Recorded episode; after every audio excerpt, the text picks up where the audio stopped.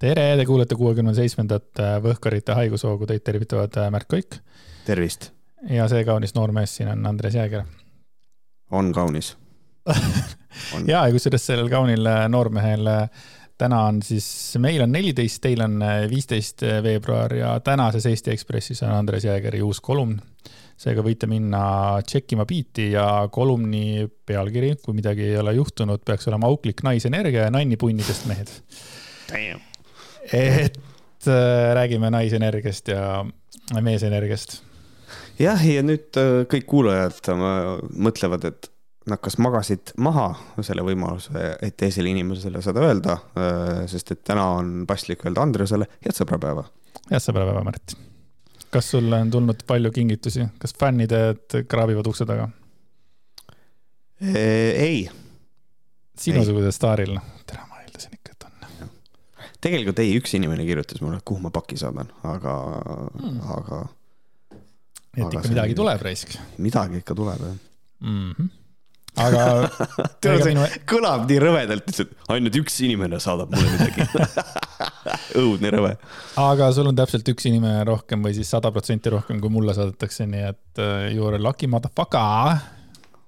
aitäh, aitäh mm. -hmm. küll sa ka jõuad A sinna kunagi. absoluutselt, mul on vaja ainult mängida Äh, kuskil mingisuguses kevades, suves või sügises äh, mingist äh, remake'is. ja siis on mul vaja teha näiteks krahti protsess ja ma ei ma ei tea. krahti protsess, vot see oleks küll huvitav. see oleks huvitav aga äh, jättes minu artikli nüüd selle praegu sinna taha, kus ta on, just seda praegu mainides uuesti, siis äh, Märdil Mä,, Märdil on ka asju, millega Märt on tegelenud. Märt, millega sina oled tegelenud vahepeal? Äh, mina tegelesin vahepeal või noh, tegelen siiamaani sellise asjaga, et ma, minuga võtsid ühendust valimiste valvurid kes ei tea, kes või mis on valimiste valvurid, siis äh, Vabaühenduste Liit eksisteerib niisugune asi ja siis äh, ne, nemad on teinud niisuguse asja nagu valimiste valvurid. ja aastast kaks tuhat üheksa on nad koostanud äh, siis hea valimistava teksti. ja see on siis, näeb ette selline, see on erakondade vaheline kokkulepe põhimõtteliselt, et kuidas osaleda valimistel niimoodi, et see oleks nagu hea tava raames. mis tähendab siis seda, et on mingisugused asjad, mis on nagu need on seaduslikud, mida võib nagu valimiskampaanias teha. aga mis nagu lihtsalt, millele peale vaadates me võime ütlema, et kuulge, et noh, et see ei ole tegelikult nagu päris okei okay.. üks peamine asi, mis, mis nagu mind kogu selle asja juures võib-olla kõige rohkem häirib, on näiteks see, kuidas kasutatakse võib-olla avalikku raha valimiskampaania tegemiseks, aga see selleks. et valimiste valvurid võtsid minuga ühendust ja ma nüüd valimisteni välja iga nädal äh, kirjutan neile äh, siukse kuni viieminutilise teksti, mille ma ka ise käin kohal äh,, ka esitan selle teksti monoloogina. Eesmärk on olla vaimukas aga see, kui vaimukalt see välja tuleb, nagu see sõltub hästi palju nagu materjalist. et nüüd äh, selle hetkel, kui me nüüd sellest räägime, siis tegelikult ma olen homme võttes ja tegelikult äh, võin siin saladuskattele öelda, et äh, kes ei ole kuskil näinud, siis Pärnus juhtus üks hästi huvitav asi, kuidas peaaegu toimus avarii, sest et üks auto sõitis ja taga oli hästi suur Reformierakonna plakat, mis põhjustas peaaegu selle liiklusõnnetuse, sellepärast et tuul puhus silla peal ja see läks vastassuunavööndisse ja noh, selle, selle kallal saab natukene ilkuda natukene nalja teha. aga üldiselt ikkagi räägime nagu selles mõttes, et kuidas äh, maksumaksja raha põleb ja kuidas äh, ühel erakonnal näiteks on noh, sellest heast tavast täiesti ükskõik. üks video on väljas ka juba, see on minu Youtube'is näiteks olemas või siis Facebookis leiab valimiste valvurite alt ka ilusasti üles. kas tohib küsida, kus see stuudio asub, kas see on sinu kodu? Ei ole, ei ole äh,. ma mõtlesin, et need raamat, ma vaatasin, et raamaturiiulid ja asjad, siis mul tuli meelde, et kunagi vaata, kui sa elasid sellises kaunis linnas nagu Tartu, sa mm. rääkisid, et sul oli kodus on hästi palju äh, raamatuid ja sul on ja. nagu mingi terve sein on tehtud raamaturiiulina. siis ma korra mõtlesin, huvitav, aga mul on tunne, et see raamaturiiul jäi vist sulle äkki Tartusse mm. -mm. ma käin tegemas seda Vabaühenduste Liidu kontoris põhimõtteliselt. aga kas raamaturiiul jäi Tartusse? Äh, raamaturiiul jäi Tartusse ja see oli sinna sisse ehitatud ja, ja, ja see oli, see oli ka üks viis, kuidas äh, saada korteri eest natukene kõrgemat hinda ka. lihtsalt see nice. otsa arvestada. väga äge. Ehm, mitu sul tehtud on? üks on sul praegu üleval, kas üks on ka praegu tehtud? praegu on ainult üks, ma käin tegemas iga nädal põhimõtteliselt, et teen, teen valmis ja siis kas järgmine või ülejärgmine päev juba tuleb välja. et oleks võimalikult päevakajaline. Aa, ma unustasingi sulle öelda, et väga hea on. väga hea video oli. Ma vaatasin, ma vaatasin terve perega, et kui ma panin klapid pähe, mõtlesin, et oo, ma vaatan, vaata Märdi videot, et siin söögilaua taga on ju, siis Lemme ütles, pane, pane kõigile, vaatasime, vaatasime kõik, mina, Mellu ja Lemme vaatasime ja kõigile väga meeldis. Mm.. Um, ma küsisin luba, et noh, kas ma võin need enda Youtube'i ka panna ja siis ma vaatasin kommentaare ja tegelikult üks kommentaar äh, muutis mind ikkagi hästi murelikuks ja see oli see kommentaar, üks inimene kirjutas mulle niimoodi, et äh, et on väga üllatav, et Märt Äh, paneb äh, sotsidele puid alla, võttes arvesse, et äh, maailmapilt ühtib sotsidega kõige rohkem. ja see minu jaoks on hästi problemaatiline asi, mida öelda, sellepärast et see ikkagi näitab seda, et inim-, inimene eeldab seda, et ma ei suuda olla oma poole suhtes mitte kunagi kriitiline. ja see tegelikult häirib mind hästi palju. et noh, et mis ma videos näiteks tõin, on see, et kes ei ole vaadanud, siis äh, ma tegelikult, see on nüüd see koht, kus ma shamelessly lihtsalt teen plaagi, ütleb palun vaadake minu Youtube'i videol seda videot, mis ma olen üles pannud, valimiste valvurite oma, selle, sellepärast et seal on näha näiteks, mismoodi kultuuriminister Piret Hartman läheb Ida-Virumaale äh, tööle ministeeriumiga nädalaks ajaks. Äh, selle asja tegelik eesmärk on teha valimiskampaaniat, aga ta teeb seda ministeeriumi tööna, mis tähendab seda, et maksumaksja maksab kinni selle Äh, valimiskampaania. see on minu arust tohutult ebaeetiline, Peep Peterson teeb Pärnus täpselt sama asja. ehk tegelikult äh, siuksed asjad on minu arust hästi nõmedad. Äh, mind kõige rohkem ärritab just nimelt selline asi. et lihtsalt, et see on asi, millest võiks olla inimesed teadlikud. absoluutselt. Kas mitte Kaljulaid ei käinud kunagi Narvas, aga tema oli vist pikalt, siis ma mäletan, viriseti ka selle kallal et ta sinna mm -hmm. läheb, et tuleb ka ainult äh, mingi populisti tegema, aga rääkides nendest valimis, nüüd on juba siis seda ERR-is on ja kuskil oli veel, kus saab teha seda nagu. mingi äh, valimiskompass. valimiskompass jah. siis ja, ERR ühes... lasi välja, ma ei ole teinud seal veel. mina tegin. ERR-ist sain ma niimoodi, et äh, number üks tuli mul Eesti kakssada, number kaks tuli mul sotsid ja number kolm tuli mul reformid Mm. ja seal, kus oli äkki Delfis, Delfis oli mul nii, et number üks oli mul Reform, number kaks oli Eesti kakssada ja number kolm oli vist Isamaa vapsi. jah, ma mäletan ja sa saatsid mulle pildi ka. ma olin, ma olin üli, ma olin ülipettunud selles, noh, kuigi see tegelikult mm. ei tähenda mitte midagi, aga et, et ja, äh, nüüd tundub, et seekord siis oli Eesti kakssada mul ERR-is jah, just, just.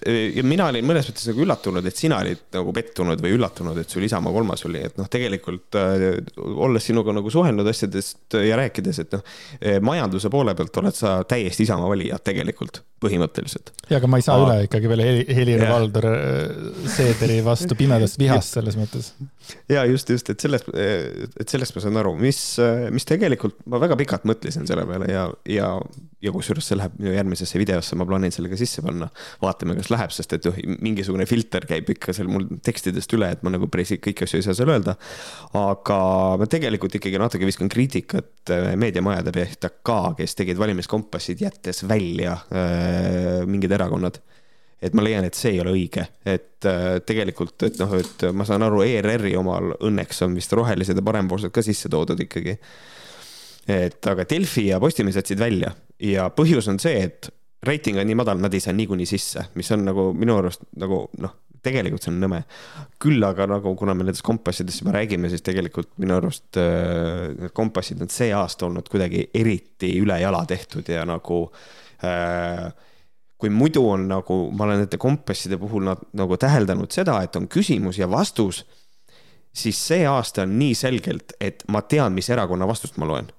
Need on kuidagi niimoodi sõnastatud, ehk siis äh, tuleb küsimus ja ma näen selgelt ära, see on EKRE vastus, see on Isamaa vastus, see on Reformierakonna vastus. Ja noh, ja niimoodi noh, see on niisugune natukene, natuke ülejala tehtud värk see aasta jah, ma natukene olen sinuga nõus, et äh, näiteks ERR-il ka, et ma tundsin ära, noh, noh, Delfil ka, et ma tundsin ära Reformierakonna vastused ja mm -hmm. EKRE vastused, onju.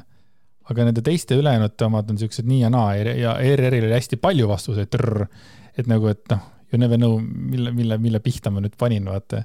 kuigi mm -hmm. noh, mhm. kuigi ütleme, mõni asi võib-olla mul meeldiks mõne asja pealt nagu, aga kuna ma tean, et see on mingi EKRE vastus, siis ma ei pane seda. See on mingi niisugune mm. põhimõtteline, ma arvan, ikka igalt poolt on mingisuguseid, mingisuguseid. see on kallutatus lihtsalt, jah mm,. täie kallutatus. aga mis on samuti kindlasti suur kallutatus, on see, et Eesti Laul oli, sina tegid striimi. jah. aga sa oled kursis? jah, olen ma, ma nägin selle, mis ta on, superfinaal või see, ma nägin selle ära, jah mm. -hmm. kas sa oled võitjaga rahul? Tead, ma ütlen ausalt, siis tegelikult ma nagu ei ole võitjaga rahul, aga ähm, ma ütlen sedasama, mida ütles äh, Twitteris Olav Osolin ähm,. mulle jääb arusaamatuks, miks oli vaja äh, allika võidu vormistamiseks nii pikk telesaade teha ehk siis äh, sellel hetkel, kui, ähm, kui Alika oli poolfinaalis, siis minul oli niimoodi, ma olin sada protsenti kindel, et ta võidab. sada protsenti. ja, ja siis oli niimoodi ka, et ma veel, äh, kui seal kuulutati võitja välja, siis ma mäletan, ma lihtsalt vaatasin Liisale otsa, ütlesin imagine my shock. et noh, lihtsalt, et noh, ma olin selles nii kindel, et see nii läheb jaa, aga ma tulen ühe, ühe, ühe artikli peale Kroonikas selline asi, et äh, rahvusvahelised eurofännid Eesti Laulu tulemusest Olli oleks võitnud, kui Peet Vetersit poleks superfinaalis olnud. ja see oli mhm. selline tekst. nimelt jäi rahvusvahelistele Eurovisiooni fännidele silma, et Aalika vastaseks olid superfinaalis Olli ja Peet Veters, kelle žanrid olid väga sarnased. kuna võitja otsustas ainult rahvahääletus ning Olli jäi Ali-, Alikast, Alikast äh, maha ainult üheksa protsendiga, oleks välismaiste jälgijate sõnul teistsuguse superfinaali koosseisuga saanud Olli Peetvetersi hääled endale ning oleks vabalt võinud Aalikast ette rebida. see on mm, -hmm. see on kõige parem artikkel, mida ma kunagi olen lugenud, sellepärast et kaks tuhat kakskümmend üks, äh, kui Maneskin võitis City ja Buoniga mm, Eurovisiooni, siis kuuendale kohale jäi äh, Soome bänd Blind Channel looga Dark Side. et kui Maneskini City ja Bueni ei oleks osalenud, siis oleks Blind Channel Dark Side arvatavasti võitnud Eurovisiooni, seepärast et rock tähendab seda, et rock, kui on rokklaul, siis kohe inimesed hääletavad roki poolt ja kui, kui Grete Baia ja Birgit Õigemäel kaks tuhat kolmteist aastal ei oleks olnud äh, esimene, teine, siis oleks Winny Puhh, äh, meie kandi mees, Korsakov läks eile Lätti, äh, võitnud Eesti Laulu. Ja mind tohutult tegelikult häiris sihuke, esiteks, miks üldse peaks kottima kedagi rahvusvaheliste Eurovisiooni fännide mingisugune arvamus?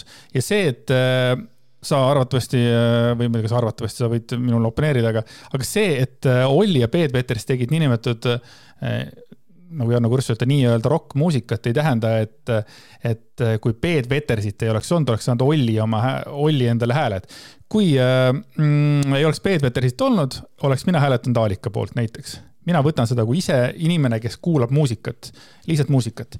ja kui Peet Vetersit ei oleks olnud, siis oleks Meelik äh, kolmandal kohal olnud, mis tähendab, see oleks kaks rokklugu olnud. kui see, kui see oleks nii, et rokklood kindlasti, kindlasti inimene valib just rokkloo kui nagu teine, noh et siis äh, oleks võinud üldsegi Meelik võita, whatever.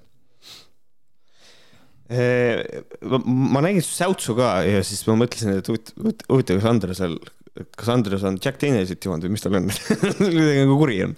aga, aga ei, minul on nagu selles mõttes, ma olen nende Eurovisiooni fännidega selles mõttes nõus, et, äh, et tegelikult oli ja Peet Vetersi žanrid olid võrdlemisi äh, üksteisega niivõrd sarnased, et ma kujutan ette, seal oli äh, täiesti arvestatav ühisosa, mis võib-olla oleks lükanud äh, nad allikast võib-olla kõrgemale.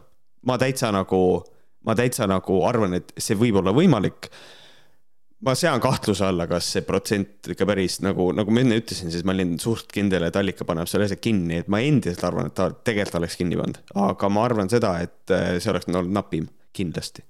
et äh, seal üksteise häälte söömine, ma arvan, äh, nagu aset leidis küll, sellepärast et see rohkem esinemisi või nagu rohkem lugusid ei olnud, mis oleks žanri poolest olnud nagu nii lähe, nagu nii lähedal üksteisele, kui neil oli et selles mõttes ma olen nagu fännidega nõus äh,, nagu selle koha pealt natukene nagu küll osaliselt jah. nii et sina jääd ka sinnapaika, et inimesed hääletavad siis žanri põhjal või ehm,? kui me räägime nagu niimoodi, et on kolm lugu, mille vahel valida äh, ja siis on äh, Olli ja üldiselt ma arvan küll jah, selles suhtes mina olen, mina olen väga olnud see inimene, kes on hääletanud Eurovisiooni lugude poolt tihtipeale žanri põhjal, kui on metal näiteks olnud eh, Eurovisioonil, siis ma olen Teras Betoni poolt, ma hääletasin sellepärast, et see oli cool metal lugu äh,. Lordi oli glam rock, tähendab, ma ei tohi öelda, et see on glam rock vist, aga, aga Lordi on, Lordi, Lordi on glam rock. siis Lordi poolt ma hääletasin ja siis üks aasta vist türklased saatsid ka mingisuguse siukse kõvema rokiloo ja siis ma hääletasin selle poolt ka, et jah, et ma arvan küll jah, eriti niimoodi. see sinu näide, mis oli, et Måneskin ja siis see äh, number kuus mm,. ma arvan, et seal võib-olla on nagu mingisugune ma arvan, et seal ei ole see asi päris nii, seal on nii palju vahet ja, ja kõike seda. aga küsimus, kas žanri poolt, ma arvan, ma arvan ikka jah. Davai aga ja mina jäin selles mõttes ka Alika lauluga rahule, esitus oli nagu kümme punkti, kõik oli ilus, eks ole, et ja siis kui hakati jälle hädaldama, et, et mingi ballaad ja mida iganes, et siis mm -hmm. ma ei, ma, ma ammu juba ei viitsi sellist sitta enam kuulata, sellepärast et kui ta võitis, siis ta võitis, et mis mm. seal mhm. ikka, aga mind veits häiris see, et mingisugust inimesed võrdlesid Peetersit Rasmusega, onju, et ähm, et äh, kuidas me, vaata, see on nii, et kui mingid laulud on sarnased, on ju, no ütleme, et noh, mingi mm -hmm. stiililiselt on sarnased, midagi taolist on ju, aga üks laul on halb ja teine on hea. et, ähm, et mina ei saa nagu, kuidas ma selgitan võivad olla kaks äh, natukene sarnast lugu, aga ütleme, et kui üks äh, nagu lavaliselt on sada korda parem ja ütleme, refrään on parem ja kogu see asi on nagu parem, siis on nagu. ma ei saa aru, miks, miks, miks just Rasmusega sellist muusikat tehti palju. Ehm, ma arvan, et see on, äh, Peet Veters on äh, sellisest nagu oma žanris Eestis võrdlemisi tuntud ja Rasmus on Soom- ja Soome puhul on üks, noh, Rasmus on ju ikkagi võrdlemisi juba vist tuntud bänd ka, eks ole. ta oli jah. et, selles mõttes, et äh, seal on, seal on mõnes mõttes ühiseid ühiseid jooni natukene küll, mina leian, kuulajana ka leiaks, et on ühiseid jooni, et ma saan, ma saan nagu võrdlusest aru, aga mul on nagu lihtsalt see probleem, et, et mulle meeldis näiteks Peetersi lugu rohkem, mulle meeldis see lugu, mis nad tegid ähm,. ja siis, oota, kuidas ah,, keegi ütles, et äh, keegi sai väga lollaka tweet'iga maha, et ärme saada Peedvetersit, et aasta, mis see aastaga, praegu ei ole aasta kaks tuhat, ma ei tea, et ei ole see aasta ja siis keegi nagu reply's ka talle, et sa ikka saad aru, et Rasmus käis konkreetselt eelmine aasta Eurovisioonil. see ei ole midagi uut. et äh, ma ei tea, sihuke, mind nagu pigem see häiris, et inimesed ei, ei, ei, ei, ei nagu ei saa aru, et bändid võivad comeback'e ka teha ja nad võivad teha väga ägedaid comeback'e ka, et selles mõttes nii ta on, aga kui ei oleks olnud äh, kümmet esimest kohta, siis oleks läinud äh, Elisa Kolk äh, Eurovisioonile. palju õnne meile kusjuures äh,, kusjuures Miia oli vist viimane mm. -hmm ja ma, ja ma, ja ma mõtlesin seda, et kuidas see võib ikka jube sitt tunne olla küll. mäletad, mis ma rääkisin sellest, et kaks tükki, kes ei saanud edasi, onju, et nahku te veate neid edasi finaali, onju. ja nüüd olid need kaks tükki, kes edasi said rahva, noh mitte rahva, vaid nagu siis, kui peale seda kümmet, need kaks tükki olid ikka kaks tükki mm -hmm. viimased. ja ma ütlesin ka seda, et kui nad midagi oma finaali selles mõttes show'ga ei tee, siis nad jäävadki viimasteks. ja nad ei teinud mm. -hmm. et äh, ma, ma ei saa aru nagu, aga ma räägin yeah., aga üks, üks nagu point nagu sellel oli ainukene, ongi see, et, et need kaks viimast laulu jõudsid äh, suure tõenäosusega nüüd natuke rohkemate inimesteni, kuna nad said mm -hmm. veel kord eetriaega ja, ja, ja need inimesed otsustasid, et näe, ei hääleta jah, aga nad hääl-, aa, see on ka muidu kurb alati, kui, kui ütleme, Miia sai null punkti ühelt poolt ja Miia sai null punkti siis ka žürii poolt, onju. siis tegelikult ju niimoodi, et nad kindlasti in, sajad inimesed noh hääletasid Miia poolt, vaata, aga kuna noh, see ei ületanud seda, et oleks saanud sinna nagu ah punkti, vaat see oleks siuke tunne nagu, et null nagu nobody likes onju. aga tegelikult mm -hmm. nagu kellelgi ikka likes ju ja vot ja. ma loodan, kui mõtle, kui Piia saigi null. ja ma tõsiselt loodan sedasama, aga mulle nagu mõnes mõttes nagu see asi hirmutas mind küll, et ähm,, et noh, tegelikult ikka, ikka jube tugev äh, peab olema inimese nagu see tahe teha seda muusikat ja asju, et noh, et tegelikult ma saan, ma saaks täiesti aru, kui nüüd ütleme, Miia näiteks on otsustanud selle pealt, et ei, ma ei tee enam seda, mida ma teen nojaa, aga ta tõmbas kaheksale, ta tõmbas kaheksale loole, tõmbas ikkagi nagu koti pähe, et selles mõttes. jaa, selles mõttes küll, jah, et midagi on, aga no lihtsalt see, see null jääb väga paljudele meelde, paraku. aga mm. nagu, nagu ütleb Miia ise, siis üks samm korraga absoluutselt. aga läheks nüüd teemade juurde, sellepärast et me oleme korralikult saanud sissejuhatust, uskumatu, see on mm -hmm. üle pika aja üks pikk sissejuhatus, räägime veel mingeid asju. meie külaline juba päris mitmes saates, Laura Valk ja siin oh, toimus, siin toimus vahepeal asju ja tal äh, murti koju sisse. Äh, ja mm. ta otsustas, et ta teeb selle kohta siis äh, story sid. ja ma võtsin siit natukene neid noppeid neljast story'st või viiest isegi mm. -hmm vot. Ehm, mina ka kaklesin kahe inimesega Twitteris, sellepärast et äh, ja, ja mitte ainult kahe inimesega Twitteris, minu enda kommuunis öeldi mulle ka, et ma võib-olla äh, olen, oota, kuidas öeldi, et äh, et ma olen natuke empaatiavõimetu, aga ütlen ausalt, siis I told all of them to suck my dick, sest et ma ei ole nendega absoluutselt nõus. aga, aga, aga ühesõnaga vaatame, hakkame otsast minema ja siis ja siis ma jõuan sellest kõigest rääkida mm. -hmm. et äh, rääkisime siis oma viimases saates äh, sellest, et mismoodi Katariina Libe kirjutas artikli. siis artikkel oli kahest sellisest e-, esi, esiterapeudist meil Eestis, üks on Laura Valk ja teine on Ants Rootslane. ja et noh, et kuidas artikkel oli nagu üsna kriitiline nende suhtes, ilusasti põhjendatud, välja toodud laused, mida nad on ise öelnud, siis kuidas nad on käitunud, ilusasti viidetega, kõik väga korralikult, väga professionaalselt tehtud artikkel.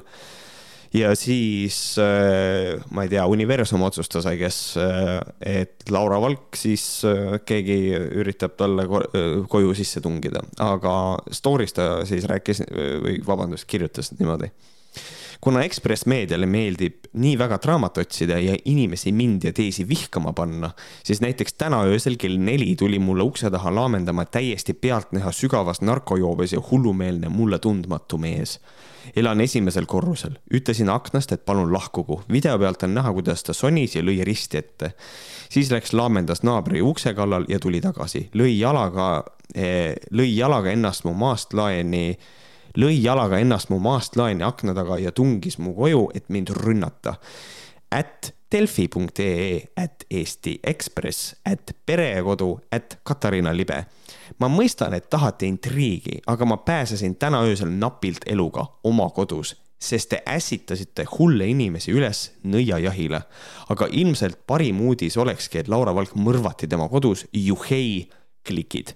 nii, see oli siis see esimene story, vähemalt osa sellest mm. -hmm ja, ja mina põhimõtteliselt äh, siis tegin, kommenteerisin seda siukse tweet'iga lihtsalt, et noh, et, äh, et kas Eesti, et kas siis Ekspress Meedia ässitab või ajab inimesi teistele koju, koomiline kriitikatalumatus ja kaks inimest olid peal hästi pahased, äh, ütlesid, et ma naeruvääristan seda probleemi. Äh, ma ei naeruväärista probleemi, vaid ma äh, olen väga kriitiline selle suhtes, et siin kasutatakse, selle, selle asi on cry bully. ehk siis sa teed ennast nagu ohvriks, selles mõttes ta on ka päriselt ohver, ma seda absoluutselt ei eita. aga ta kasutab enda ohvri staatust ära, et rünnata teisi inimesi, pullida sellega teisi inimesi. üks nendest on ajakirjanik Katariina Libe, kelle ta ära tag'is, mis on äh, alati, kui sa kellegi ära tag'id, siis see tähendab, et sa suunad sinna ka inimesi tegelikult, aga, aga, aga see selleks. ja siis äh, ja, ja, ja seal noh, minu selle tweet'i all läks ka teiste inimeste vahel vaidluseks ja siis üks inimene, kes teda väga tugevalt kaitses, ütles seda, et, et noh, et Eesti Ekspress, et, äh, et Valk ei ole öelnud seda, et, et Eesti Ekspress on, on kuidagi ässitanud kedagi sinna. Ähm, kuigi see nagu konkreetselt, konkreetselt ta on seda kirjutanud oma story'sse, ta on konkreetselt siia siis, selle siia sisse kirjutanud. et sest te ässitasite hulle inimese üles nõiajahile, ta on konkreetselt niimoodi siia kirjutanud. ja seesama inimene, kes, kes ütles, et ta pole sihukest asja öelnud, süüdistas mind ja teisi selles, et me ei oska lugeda. mis on sitaks irooniline. et ja, ja siis ja minu seisukoht oli kogu aeg see, et noh, tegelikult ta praegu kasutab tegelikult seda asja ära selleks, et rünnata meediat, mis on kõige the most classic who behavior on see, et status quo ja siis selle pealt paned, et näete, mismoodi meedia üritab mind cancel dada. see on klassik, vana hea. Mina mäletan, kui ma olin äh, Metallica kontserdil Jüriga ja siis äh, Lemme-Liis oli helistanud mulle, aga ta ei saanud mind kätte, siis ta helistas Jürile ja ta nuttis telefonis, ta oli kaheksandat kuud äh, rase meie siis esimese beebiga ja, ja ta nuuksus seal ja ta oli täiesti paanikas ja lugu oli selline, et me elasime alasi majas veel ja me ei, seal ei keeranud uksi lukku. ärge küsi, miks mm, -hmm. aga sellele, ma ei tea, me ei keeranud uksi lukku. ja siis oli hiline õhtutund, ütleme mingi üksteist või kuna iganes. ja siis äh, ta kuulis, et uks tuli lahti, onju. ja siis ta nagu läks nagu, kõndis nagu vastu, arvas, et mina tulin, onju, ja äkki oli seal ukse vahel äh, meil oli kaks ust, üks nagu äh, siis nagu siis ähm, käis lahti siis nagu siis, kui sa noh, teed ukse lahti siis nagu enda poole ja siis teine siis nagu teisele poole. mis tähendab, et need mõlemad uksed olid lahti ja siis üks suur mees äh, oli lihtsalt nende uste vahel niimoodi ja tuikus seal ja ta oli jumala kinni, vist hakkas, ma ei tea, kas sisse astuma, mida iganes seal oli.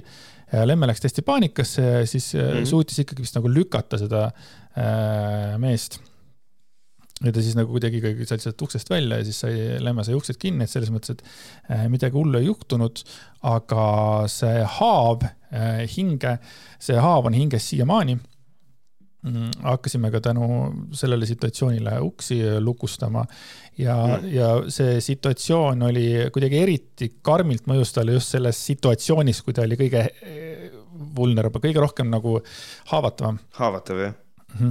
Seega ma ei kujuta ette, mis tunne võis olla Laural, kui mingisugune täiesti segane, sõge äh, tüüp äh, tuli tema koju.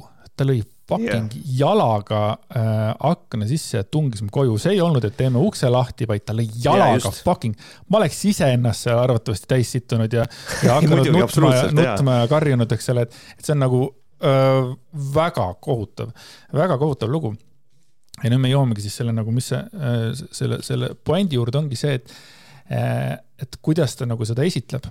et äh, sellisel asjal ei ole mingisugust õigustust, et keegi tungis koju ja see on fucking kohutav, ma loodan, et see tüüp läheb kinni ja ma loodan, et asju mm, -hmm. halbu asju juhtub tolle inimesega aga see, et rünnata sellises situatsioonis nüüd siis Eesti Ekspressi, Delfit, Pere ja Kodud ja Katari Pere ja Kodut ja Katariina Ibet, kõiki nagu, see on erakordselt tobe mm. -hmm. küsimus, äh, kuidas äh, ässitas ähm, siis need neli asja siis nagu nõiajahile siis hulle, täiesti hulle inimesi.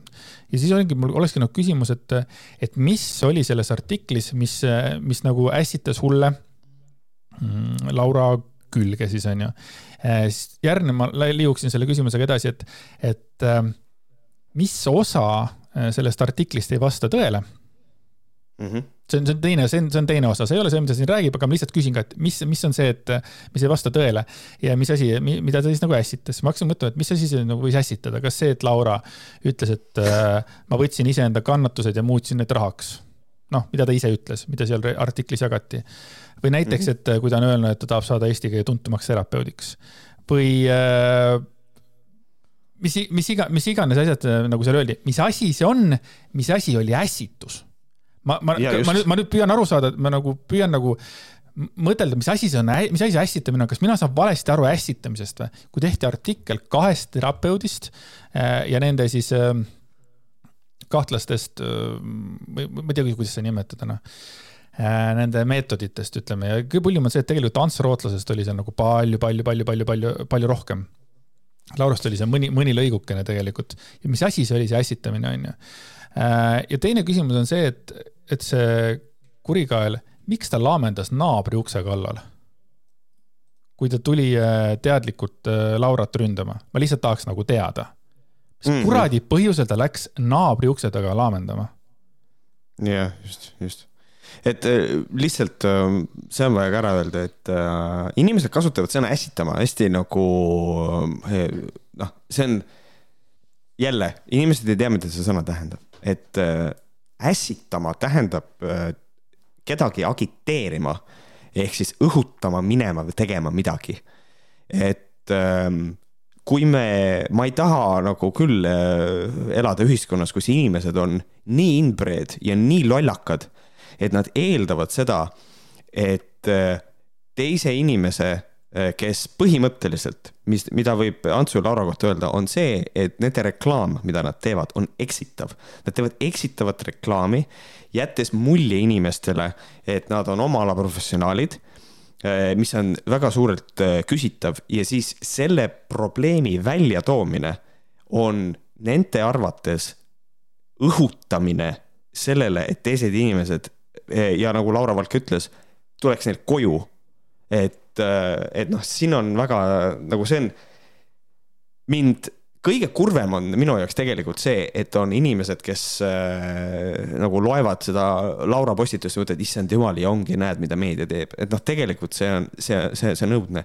ja, ja, ja tegelikult tahaks nagu nõme inimene olla ka, aga äh, võt-, laenaks midagi nagu Kris Kala jälgijatelt ka, et nagu Kris Kalalt väikene mõte, et äh, kas mitte ei ole niimoodi, et äh, nendes alternatiivmeedia fännidel ja nendel on nagu see, et kui keegi ütleb, et mingi asi on valeinfo või midagi, siis see on see, et nagu tõde üritatakse vaigistada kogu aeg äh,. mis tähendab seda, et noh, et tegelikult on ju, tegelikult on ju nagu, tegelikult on ju nagu õigus siis miks Laura üritab nagu vaigistada meeleheitlikult seda, seda kriitikat, mis tema suunas on ja näete, näete, mida ta teeb, et noh, tegelikult siin on nagu väga tugevalt on nagu peegel peaks ikkagi näomas olema ja nagu tuleks nagu järgi mõelda.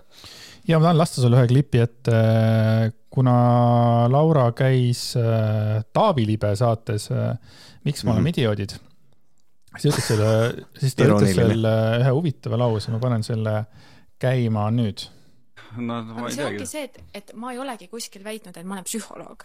ma ei ole kuskil väitnud, et ma olen pereterapeut või psühhoterapeut, vaid ma teengi natukene uga-puugat mm, -hmm. aga ma teen seda tavainimese jaoks võrdlemisi söödavas võtmes ja ongi kõik. ma ei ole väitnud kuskil, et ma tahan kuuluda psühhoterapeutide liitu, hetkel ma ei soovi seda miks ma selle ette lasin, ongi see, et Laura Valk ise ütleb, et ta teeb natukene uga-puugat mm. -hmm. Mm -hmm. kogu lugu nagu I rest my case, et äh, minu, minu küsimus on siin, et see, et mm, ja, ja. et seda ei öelnud, äh, seda ei öelnud äh, artikkel, et ta teeb uga-puugat. ta lihtsalt küsis, küsis küsimusi, eks ole, nagu Tõnu Maalastele meeldib alati öelda ja just, just, just. Laura Valk ise ütleb, et ta teeb uga-puugat, mis äh, inimestele lihtsas keeles on. nii äh,, kõik, et rohkem mul ei ole, mul ei ole nagu mitte midagi rohkem öelda. nii, jätkame selle tekstiga. järgmises story's, mitte järgmine, no ühes järgmistest story dest ta kirjutas või kirjutas just. Äh, kahjuks ei unusta kunagi seda heli, et kuidas suur aken katki löödi ja sisse tuldi. see mees nägi mind aknast, ta teadis, kes ma olen ja ta tuli täpselt sellest aknast sisse, mille kardina olin eest nihutanud. kuidas see on seotud Eesti äh, Ekspressi artikliga? ta teadis, kes ma olen. kas tänu Eesti Ekspressi artiklile said inimesed teada, kes ta on ja kui isegi inimesed said teada, kes ta on kas siis see on äh, kallalassitamine? jah, just, just, et selles mõttes öö, ma tahan nagu see, seda nagu väga selgelt öelda.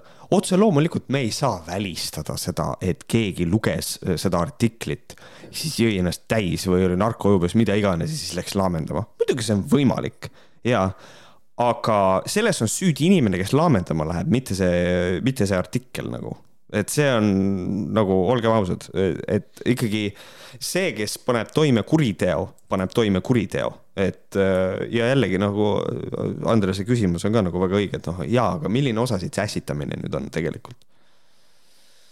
jah ja., see, see, see on igaks juhuks tahan jälle vahepeal öelda ka, et me siin ei süüdista praegu ohvrit, selles mõttes me süüdistame seda ahvi, kes sinna tungis. ja ei, see peab olema nagu, nagu, nagu selge, et selles mõttes, et jällegi see, mis Lauraga juhtus, see, et talle keegi üritas nagu selles mõttes on, on, on nagu Laural on nagu õigus, tal on igasugune õigus olla häiritud. see ei ole normaalne, see inimene, kes talle koju tahtis tungida, see inimene peab saama karistada, see ei ole normaalne. selle me mõistame absoluutselt sada protsenti hukka, jaa, muidugi mm. -hmm. Siis oli järgmine story, oleks siis vähemalt mõni eksmees oleks teada, mis ja kaugele võib minna, aga täiesti võõras mees, kes fucking risti endale ette lööb, minnes sikk. aga muide vannitoas siis sobras ka minu mustapesukorvis, aluspesus ja muud seal seas. ja siin jälle ära räägitud Katariina Libe, Delfi, Eesti Ekspress, Perekodu, olen nii tänulik, et mu laps, laps ei olnud täna siin. me oleme kõik tänulikud tegelikult selle eest, et see laps ei olnud seal. Ähm, aga jälle minul tekkiski jälle küsimus nüüd, et kuidas on, kas siis nagu, eh, kui, kui ründab mõni tuttav või siis eksmees, siis see kuidagi on nagu siis nagu vastuvõetavam? Eh, see on, see on päris küsimus ja kui ta on narkojoobes ja kui eksmees või mingisugune äh, tuttav on narkojoobes või mingi täis ja on ka täiesti segi ennast kamminud, kas siis kuidagi see on vastuvõetavam, kui ta ütleb, et oleks siis vähemalt mõni eksmees, oleks teada, mis ja kaugele võib minna kuidas me teame, ütleme, et inimesed ju ei tea, keda rünnatakse. Nemad ju ei tea, et see asi võib ju nii kaugele minna seega ma ei saa sellest lause pointist aru.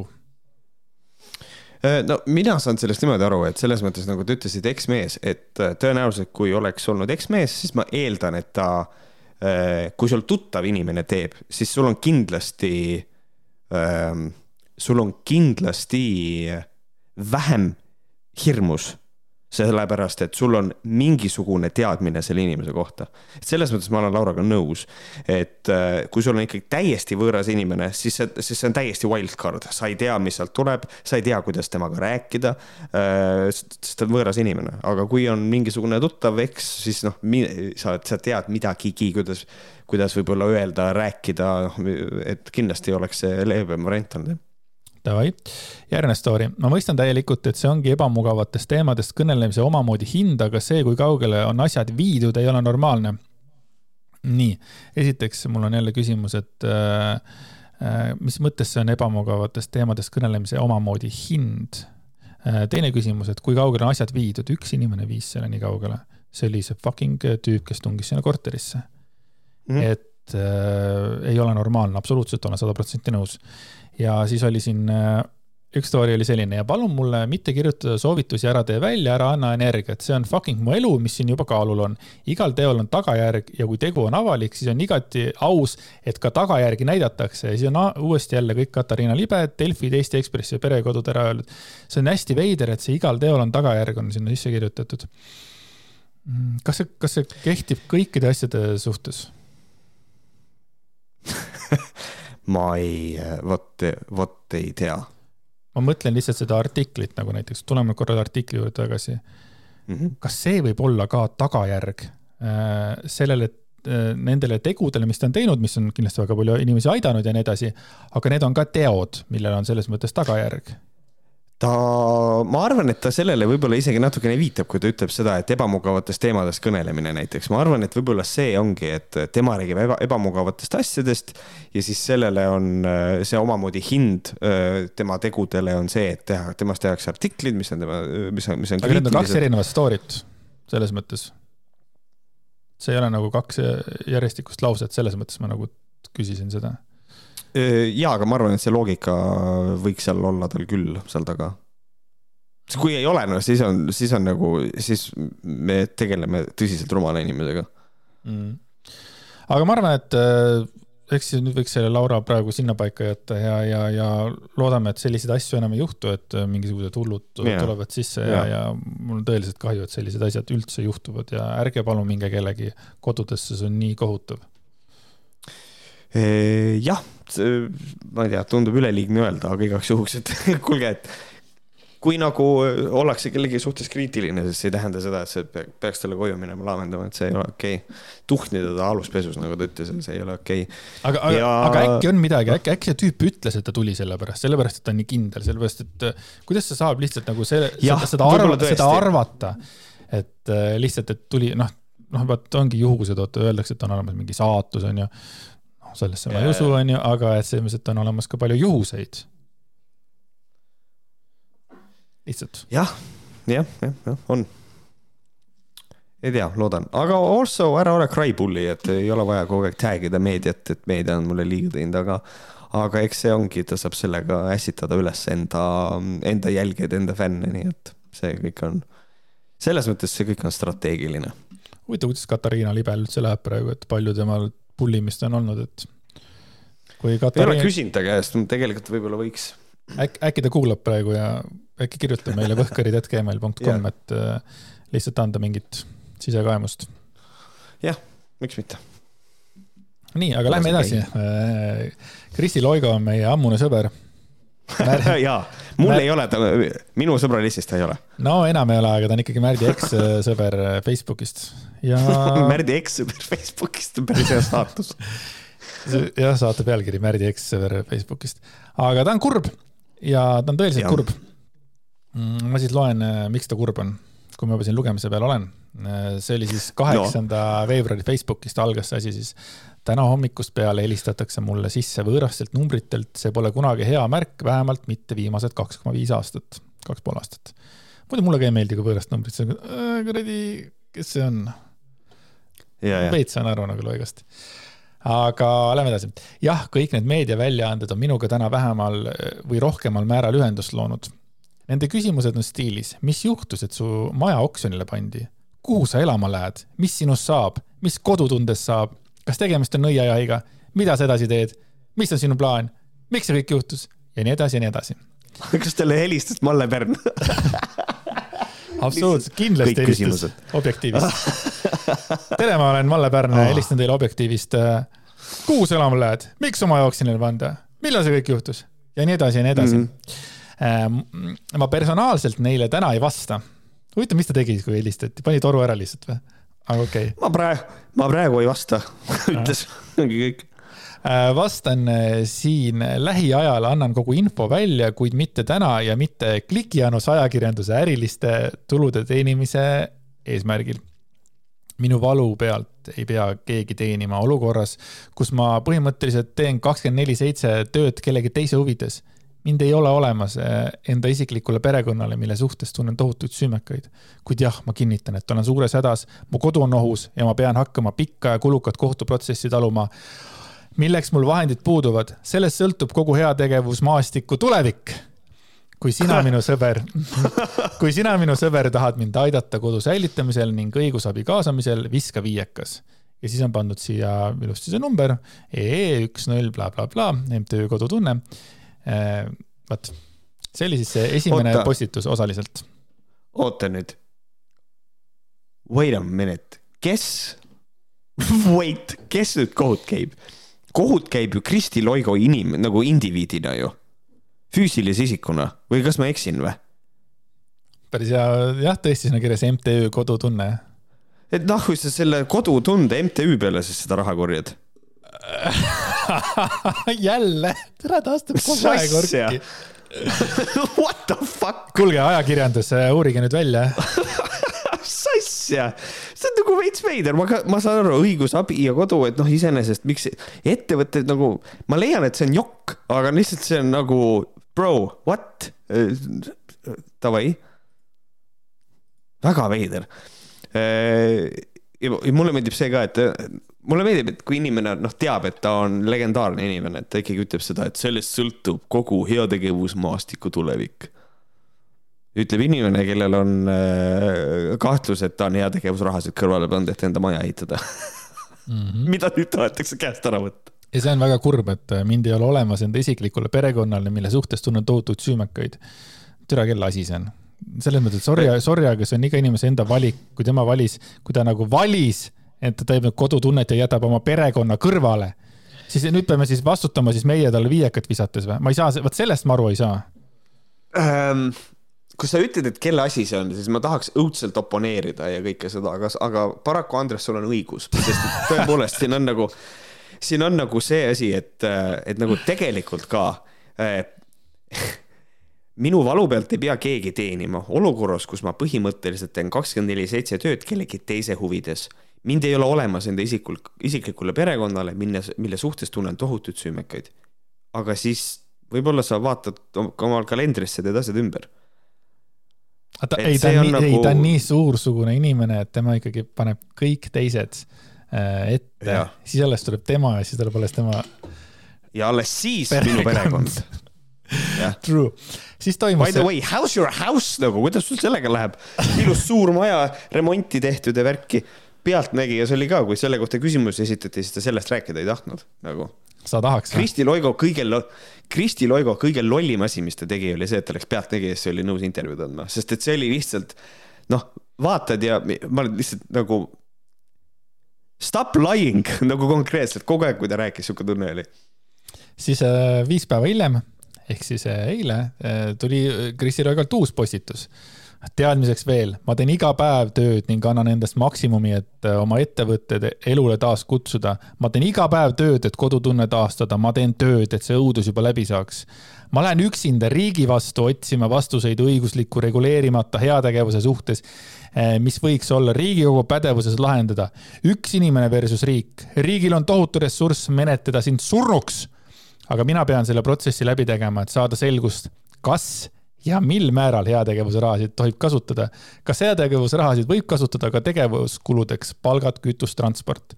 siin ongi vaja kaaskodanike abi, sest üksinda ma seda ei saa teha. kogu kodutunde häving on alguse saanud kadedusest ja soovist kurja teha just selliste pahatahtlike inimeste tõttu enamus inimesi kannatavadki. Nad ei suuda enda elusid elada, nad peavad sekkuma ja tahtma midagi, millel neil õigus, õigus puudub Nad ei suuda oma peegelpilti taluda. palju lihtsam on teiste eludele hinnanguid anda ja ennast seeläbi upitada ja näidata, kui toredad nemad on ja kui lollid teised. Eh, tuletan Võta... meelde, Kristi Loigo oli see, kes ütles roosa banaanikese kohta, et roosa banaanikese juures ei ole mitte midagi reaalset ega päris.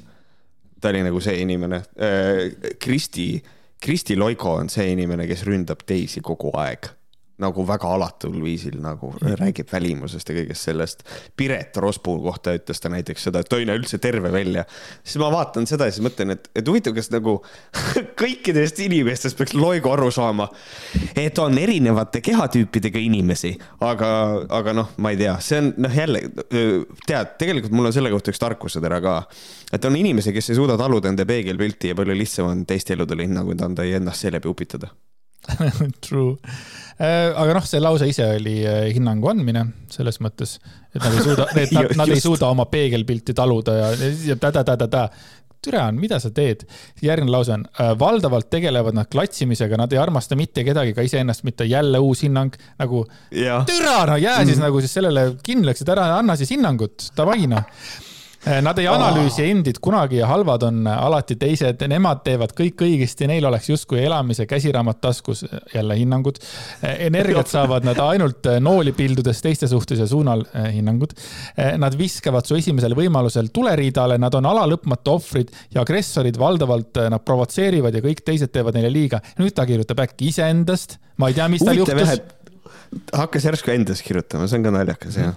see häbist... Malle Pärna moment oo, ära sa räägi. Valle Pärn helistas talle, siis äh, nüüd nad teevad ju, kirjutavad ka samamoodi äkki.... helistas ja tinistas ta ära. ja siis ta hakkas kirjutama ja mm. -hmm.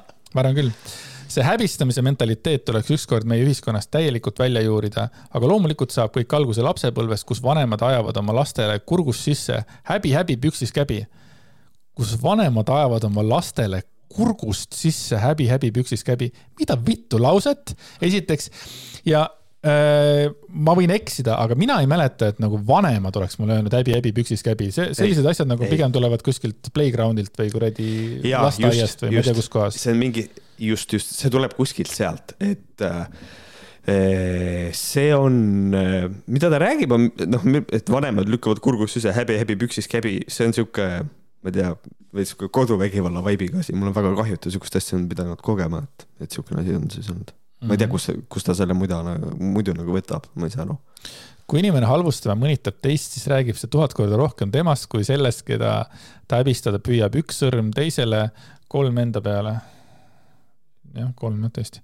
Äh, ja miks üks ajakirjanduslik väljaanne sellist asja avaldab, sel pole mingit uudisväärtust, no on ju ja, ja tule parem appi ja aita kodutunne tagasi tuua, et noh, siis ikkagi veel, et äh, väike teavitus, et ikkagi tule.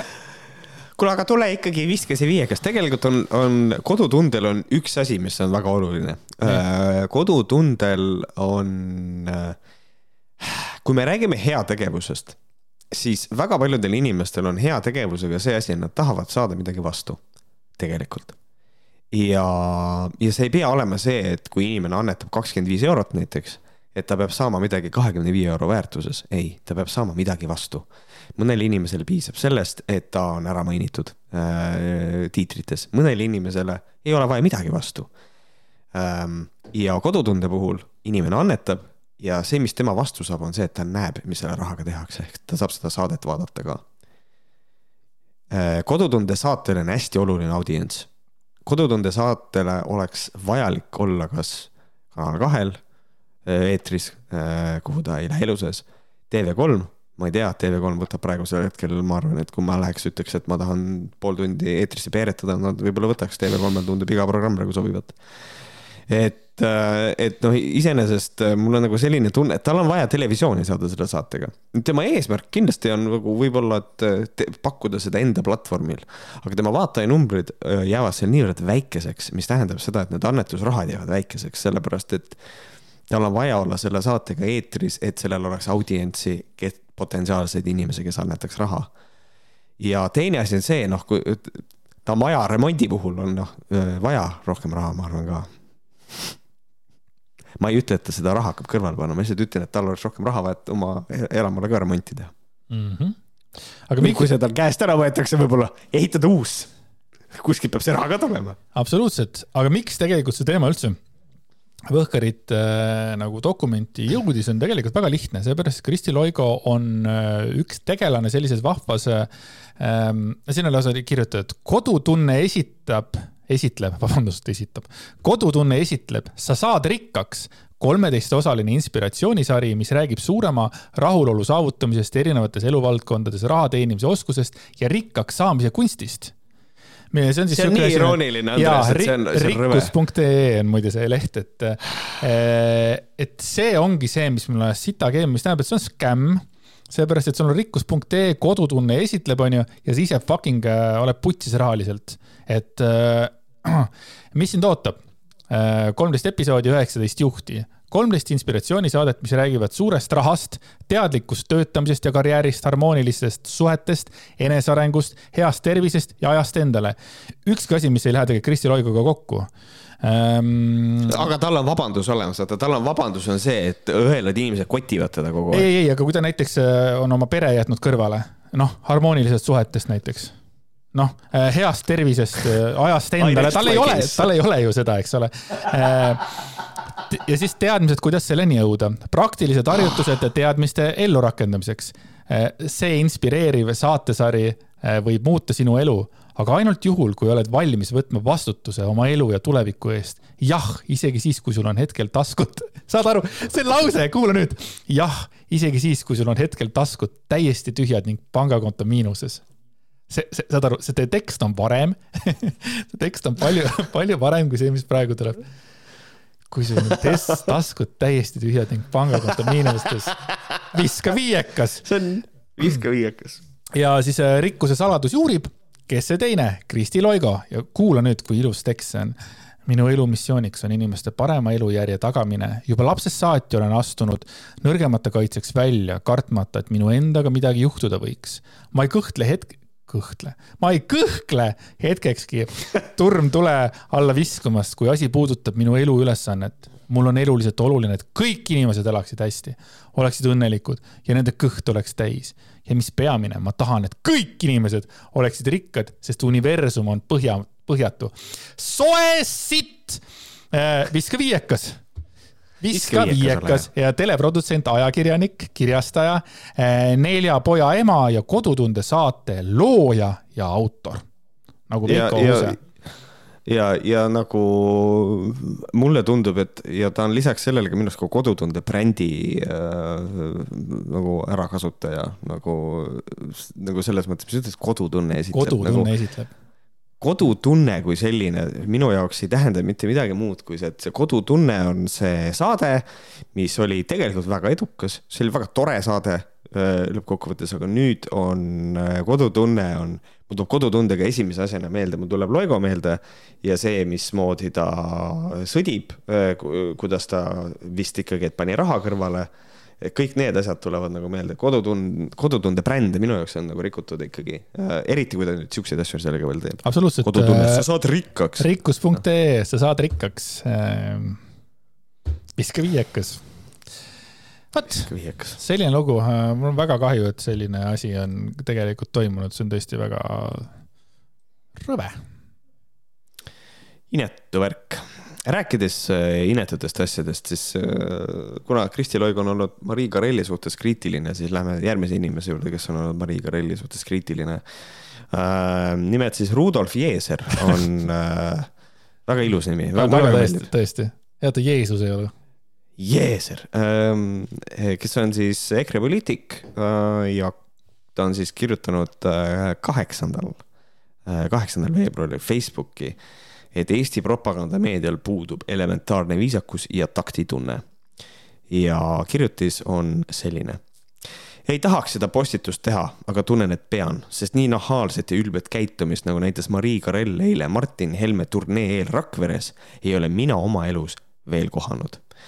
Ütlen kõrvale, väga hästi elanud järelikult.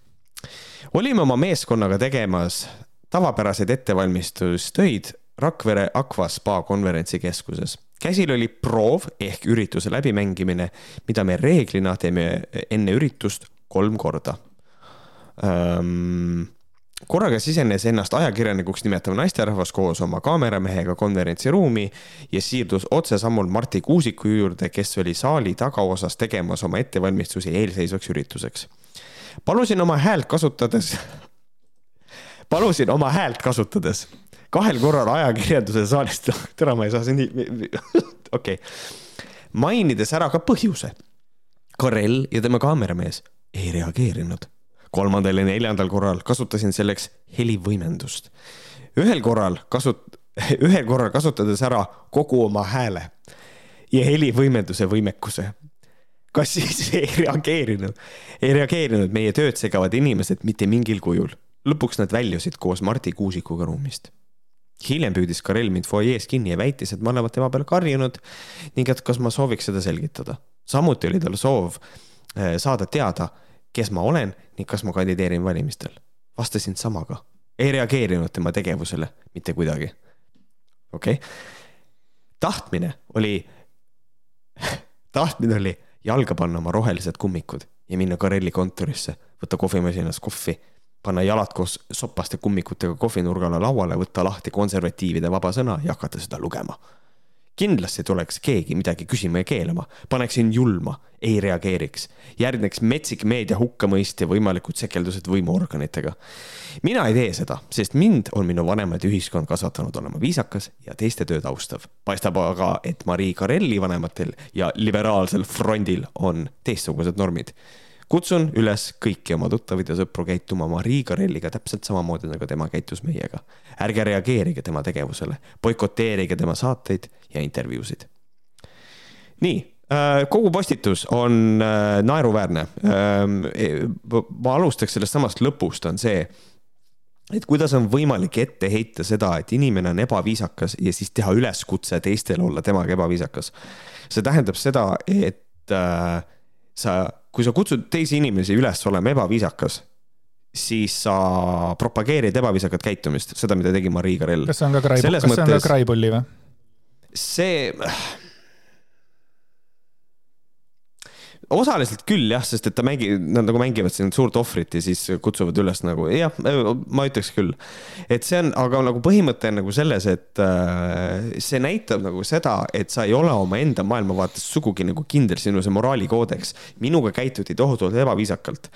kui minuga isiklikult keegi käitub tohutult ebaviisakalt, siis mina leian, et temaga ei tohiks käituda samamoodi, sest et see on ebaviisakas see tundub mulle absurdne jutt lihtsalt, see tundub mulle lihtsalt äh, pahatahtlik soe sitt. Äh, aga äh, üks asi, mis mind väga üllatas, oli see, et nad teevad, nad mängivad ürituse läbi kolm korda. see on minu arust jube palju ma ei saa aru, tähendab selles mõttes, ma olen käinud üritustel, ma olen, ma olen näitajaharidusega, ma olen teinud elus proove. Ja kui on valmis asi, mis on tehtud, siis ma ei saa aru, miks on vaja rohkem kui ühte tehnilist läbimängu, aga noh, teisest küljest see, kui palju nad proovi teevad, see on puhtalt nende asi, nii et vahet ei ole. Nagu sa oled öelnud, siis EKRE teeb oma tööd hästi, selle valimiskampaania ja, ja kolm korda läbimängimine on täiesti nagu vastuvõetav, välja arvatud siis, kui nad on täielikud imbetsilid, idioodid ja neil on vaja päriselt kolm korda läbi mängida, iga kord, iga kord hakkab otsast pihta. noh, ma, ma, ma ei väida, ma ei väida mitte midagi, lihtsalt see tundub mulle ka veits veider, kui sul on fucking see Martin, Martin Helmel on turnee, sa käid kümnes ja. kohas, sa mängid selle läbi siis kolmkümmend korda, pluss kümme korda, siis see nelikümmend korda sa mängid selle läbi või? Are you fucking kidding me? Nagu päriselt? see on ikka, see on ikka väga palju, selles mõttes, et äh, äh, ma saan aru, igas uues kohas, kuhu sa lähed äh,, ma mõtlen seda, sul on turnee, kui sa pead kõnet ja kõiki neid asju, siis äh, kui sa lähed uude kohta, uude saali, tehniline läbimäng on absoluutselt vajalik, ma sellele ei vaidle absoluutselt vastu. saali heli on vaja paika panna, on vaja äh, valgust sättida, eks ole, kõik see mm. -hmm aga tehnilise läbimänguna ma ei saa aru, miks seda on vaja kolm korda läbi mängida. Äh, nüüd, siin on nüüd see asi, ma ei tea seda infot mm., ma pean vaatama Martin Helme valimisturneed. Ähm, äkki see oli, ma ei usu, aga äkki see oli nendel esimene kas nad olid äkki, vot see on hea asi. kuule nüüd, mida reeglina teeme enne üritust kolm korda ta ise ütleb siin okay., mida reeglina teeme enne üritust kolm korda. võib-olla, okei okay,, ma, ma üritan neile väga palju vastu tulla. Äh, ma tuletan nagu sellega, et võib-olla ta mõtleb üldiselt oma äh, neid erinevaid üritusi, mängime kolm korda läbi, üks, kaks, kolm, neli, never mind, see oli nendel viies lokatsioon never mind. ehk siis äh, äh, I take all of it back äh,. see on lihtsalt, minu arust on see naljakas. ei no EKRE. ja kui keegi ütleb, et me norime nagu tühise asja kallal, siis me ei nori selle kallal praegu nagu selles mõttes lollakad. minu nagu küsimus on lihtsalt nagu selles, et ma ei saa aru lihtsalt, mul on nagu endal artistina ma ei saa aru, miks on vaja teha läbimänge kolm aga korda. see ongi see, vaata, ma tulen nüüd neile teistpidi vastu, sina oledki artist, onju. aga nemad on äh, poliitikud, nad ei ole õppinud selles mõttes äh, ja see on ikka rets, see on rets. Lähme nagu... ühe, lähme ühe korra veel, mul läks siit see kolmas lause läks putsima. et võib-olla, võib-olla see on niimoodi. jah, see on nii nagu minuga tehes vaata podcast'i, et kui on vaja teha introt teha, no mõnikord läheb kolm korda, onju, olgugi, et me oleme teinud sa, sa, üle saja saate, noh, you never know, onju, noh, aga. Äh, muidugi äh, idee, imeline lause, et ennast ajakirjanikuks nimetav naisterahvas. See on alati, see on EKRE, see on EKRE sees piiblis, vaata, te, sinu seal kohal on vaata see Eva teemad on vaata piiblis, nendel on mingisugune, seal piiblis on samamoodi ennast ajakirjanikuks, ah, see on mingi Varro piibel näiteks. ja just, see ongi, see on, see on see eh, viis pisendada on, on, on nagu seda, aga noh, samas tegelikult viis põhjust pisendada. Jah, kui sa oled ennast poliitikuks nimetav inimene, siis sa loomulikult nimetad teisi ennast ajakirjanikuks nimetav naisterahvaks, muidugi mm. -hmm. absoluutselt, seda ka, et naisterahvast tuleb igal juhul ära mainida. sest lihtsalt ja, nagu mitte ajakirjanikuks pidav inimene, vaid naisterahvas. kui sa ütled, kui sa ütled, kui sa ütled Marii Karell, siis keegi ju ei saa aru, et kes ta on. no ongi, kolm korda, kolm korda tuleb öelda. sinu, sinu probleem ongi, et sa tead, mis on selle inimese nimi just Riigarelli pilt. nii äh,, palusin oma häält kasutades kahel korral ajakirjandusel saalist lahkuda, mis on huvitav, et ta ütleb ajakirjandus, aga ise ütleb ennast ajakirjanikuks nimetav, aga selleks. just. mainides ära. aga lihtsalt sorry, sorry, ma ei suuda, ma ei lase sul rääkida. palusin oma häält kasutades kahel korral. nii, Rudolf Kallis, Kallis Jeeser nii. me, see on, sa ei pea seda välja kirjutama, see on nagu tal oleks, nagu ta oleks äh, tead, kirjutas koolis esseed ja oli vaja tähtede arv saada suuremaks. palusin oma häält kasutades. mida sa muidu kasutad, kui sa inimeste poole pöördud? ma saan aru, siin on nagu see, et aga Märt, on olemas inimesed, kes ei suuda rääkida, et on olemas puudega inimesi. ja ma saan sellest aru, aga üldiselt palusin oma häält kasutades. Why would you, miks sa niimoodi kirjutad? mainides ära ka põhjuse. Mis oli ma tahan, ma tahan saada teada, mis on see põhjus. siin ta ütleb, et mainin selle põhjuse. ma ei saa aru. kusjuures jah, et nagu see on, kujuta endale ette nüüd seda, et meil on nagu, teeme saadet ja siis ma ütlen ja, ja siis ma, ma andsin, ma andsin sellele inimesele viis korda peksa, aga noh, põhjus oli ka selleks. ja lihtsalt lähen edasi ja ei ütle, mis see oli. nagu, kui sa mainid põhjust, give it to us mm. -hmm aga, aga, hea küll. Ja siis äh, mulle meeldib see ka, et kolmandal ja neljandal korral kasutasin sellist helivõimendust, vaata nüüd on see, ma ei tea, kas ta, kuidas see välja nägi, kas ta asetas oma käed äh, suu juurde, et tekiks äh, see natukene valjem, valjem heli. Või ka, või, või kas ta oli nagu lihtsalt, et vaatas Kari- äh,, nagu Marii Karell läheb äh,, tahtsin Karill öelda. Ja siis ütles, andke mulle mikrofon ja mulle meeldis see ka ja ühel korral kasutades ära kogu oma hääle ja helivõimenduse võimekuse. siis mul tekib nagu see küsimus, nii, mida see tähendab, kas sa, kas ta võttis mikri kätte, siis tegi lihtsalt ja siis tal oli hääl läinud ja siis millegipärast enam helivõimend-, nagu helivõimenduse võimekuse tähendab nüüd mida? kas see, kas sa, kas sa karjusid nii kõvasti, et sa lõid korgid läbi või nagu mida see tähendab?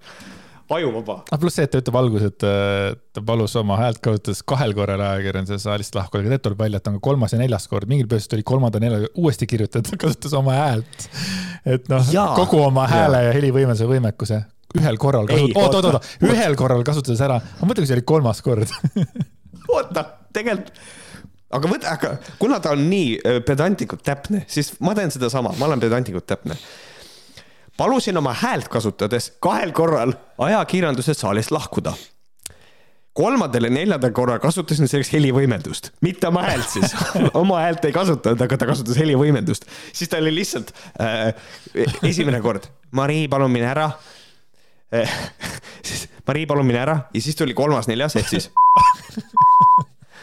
Ikka ei läinud raisk ära. Ja siis äh, ja siis lõpus oli tegi lihtsalt niimoodi. korg, korgid väljas, Marii Karel vaatas, tere, sul on kõik hästi, kas sa said insuldi, mis sul on? ma ei tea hästi,, hästi-hästi-hästi kummaliselt kirjutatud, et äh, tore, aga lõppkokkuvõttes tuleb välja, et ikkagi äh, Marti Kuusik läks temaga kaasa, ilmselt sellepärast tal oli piinlik, mingi vend lihtsalt ära joostes mikrisse. isegi Marti Kuusikul oli piinlik. aga, aga see on täpselt sama, minna mingi sinna Aquaspaasse enne suurt üritust või siis minna äh, Karelli kontorisse, võtta kohvimasinas kohvi, panna jalad koos sopaste kummikutega kohvinurga lauale, võtta lahti konservatiivse vaba sõna ja hakata seda lugema. ta pani mingi viis asja siia sisse Karel tegi mm., Karel tegi ühte, kõndis Marti Kuusiku poole. jah, ja, ja ma lihtsalt tahan öelda seda ka, et tegelikult mul on hästi suur küsimus on selle kohta ka, et tegelikult äh, mina keeldun uskumast seda, et Marii Karel sai saali sisse niimoodi, et mitte keegi teda ei takistanud sisse enne, kui ta oli sinna jõudnud äh,. see tekitab minus väga palju küsimusi, et äh, kui sa nagu book'id endale ruumi siis kas tõesti ei olnud nagu võimalik see asi, et ärge mitte kedagi sisse laske peale meie omade mm. -hmm. see on, see on lihtsalt, see on veider, nagu Marii Karell lihtsalt tuli, lõi jalaga ukse lahti ja läks äh, sisse, ma ei tea, veider. ja huvitav, kas seal olid ka siis sopased? aa, ei, ei midagi, ära pane tähele um, ah, jaa, sopased kummikud, vaata, sopaste kummikute kohvinurga lauale. kas Mari Karelil oli sopased kummikud, et see ka veel oli vaja nagu ekstra tuua. aga mulle meeldisid neli äh,, kohe ma ütlen viis väikest kommentaari, neli, jah. Sadom Sadom mm -hmm. kommenteeris Facebookis sinna alla. ta on Kaja Kallase sõber ja ta on ülbe ka veel. ja kuidas saada likee? väga lihtne, seitsekümmend neli laiki. Äh, kirjutada on Kaja Kallase sõber ja ta on ülbe ka veel. Äh, nii If Lee White äh, kirjutas, tüüpiline sotsi käitumine, jälk, näkku kirjutatud. tahad saada kolmkümmend kaheksa laiki, tuleb sul kirjutada just nii. Marii Karellile on näkku kirjutatud äh, väga palju asju, aga mitte seda, et ta, et ta oleks, et ta oleks sots. et ma ei tea. tal, Marii Karellile on näkku kirjutatud, et ta on väga ilus naine äh,. et, et ta on väga tark naine, see on talle näkku kirjutatud aga ma ei tea. mina lugesin välja siit, et jälk näkku kirjutatud, mõtlesin, et tal on Google'i jälk kirjutatud näkku, et. aa, ei... lihtsalt aga me ei tea, äkki see oli ajakirjanduslik eksperiment. et Marii Karell lasi markeriga endale jäkku kirjutada jälk ja siis läks sopaste kummikutega uiama. I don't know, dude.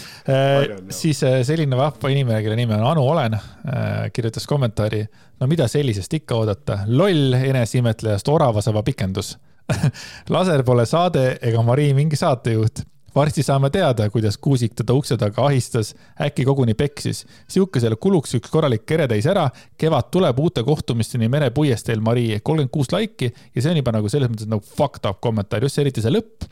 et sihukesele kuluks üks korralik keretäis ära kas see oleks ja, juba. pluss, pluss ta ütleb pluss ta ütleb äh,, kevad tuleb uute kohtumisteni merepuiesteel, Marii mm -hmm.. okei okay,, see lõpp oli ähvardus no,. see on, aga, see on, see on ähvardus. aga kas see on ässitamine või? sihukesele kulukski üks korralik eredes ära või see on lihtsalt sihukene mõte mm,?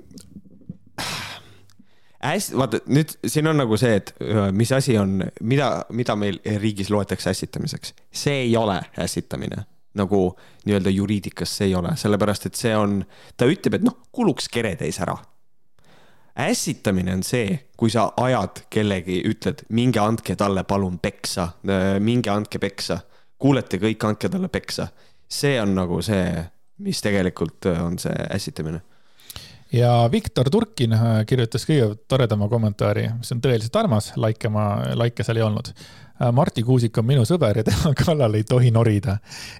teda üldse ei kotti mis.... aga Marii Karell on Kaja Kallase sõber. What are we gonna do? ei, aga selles mõttes, et kogu see teema, vaata, teda ei kottinud see teema, tema on, Marti. Kuusik on minu sõber, tema kallal ei tohi norida.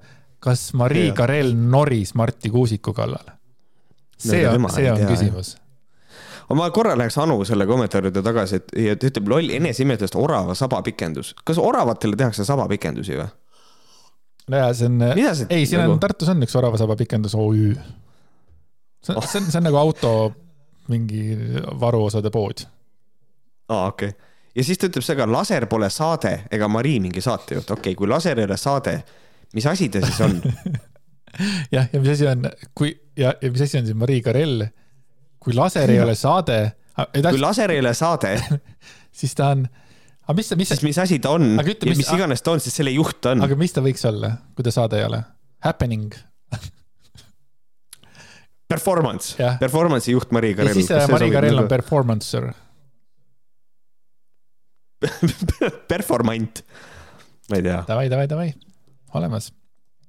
rõve, miks niimoodi tehakse? Ja, ja laser on siis nüüd, äh, peaks, äkki ongi juba see selle nädala saates seesama, see mingisugune EKRE teema asi ka. peaks olema jah. minu arvates ja eelmise nädala laserist rääkides, siis äh, mul on tunne, et äh, vaene, kurat, selle Eerik oli ke,, kelle klipp on ju, oli nagu igal pool, on ju.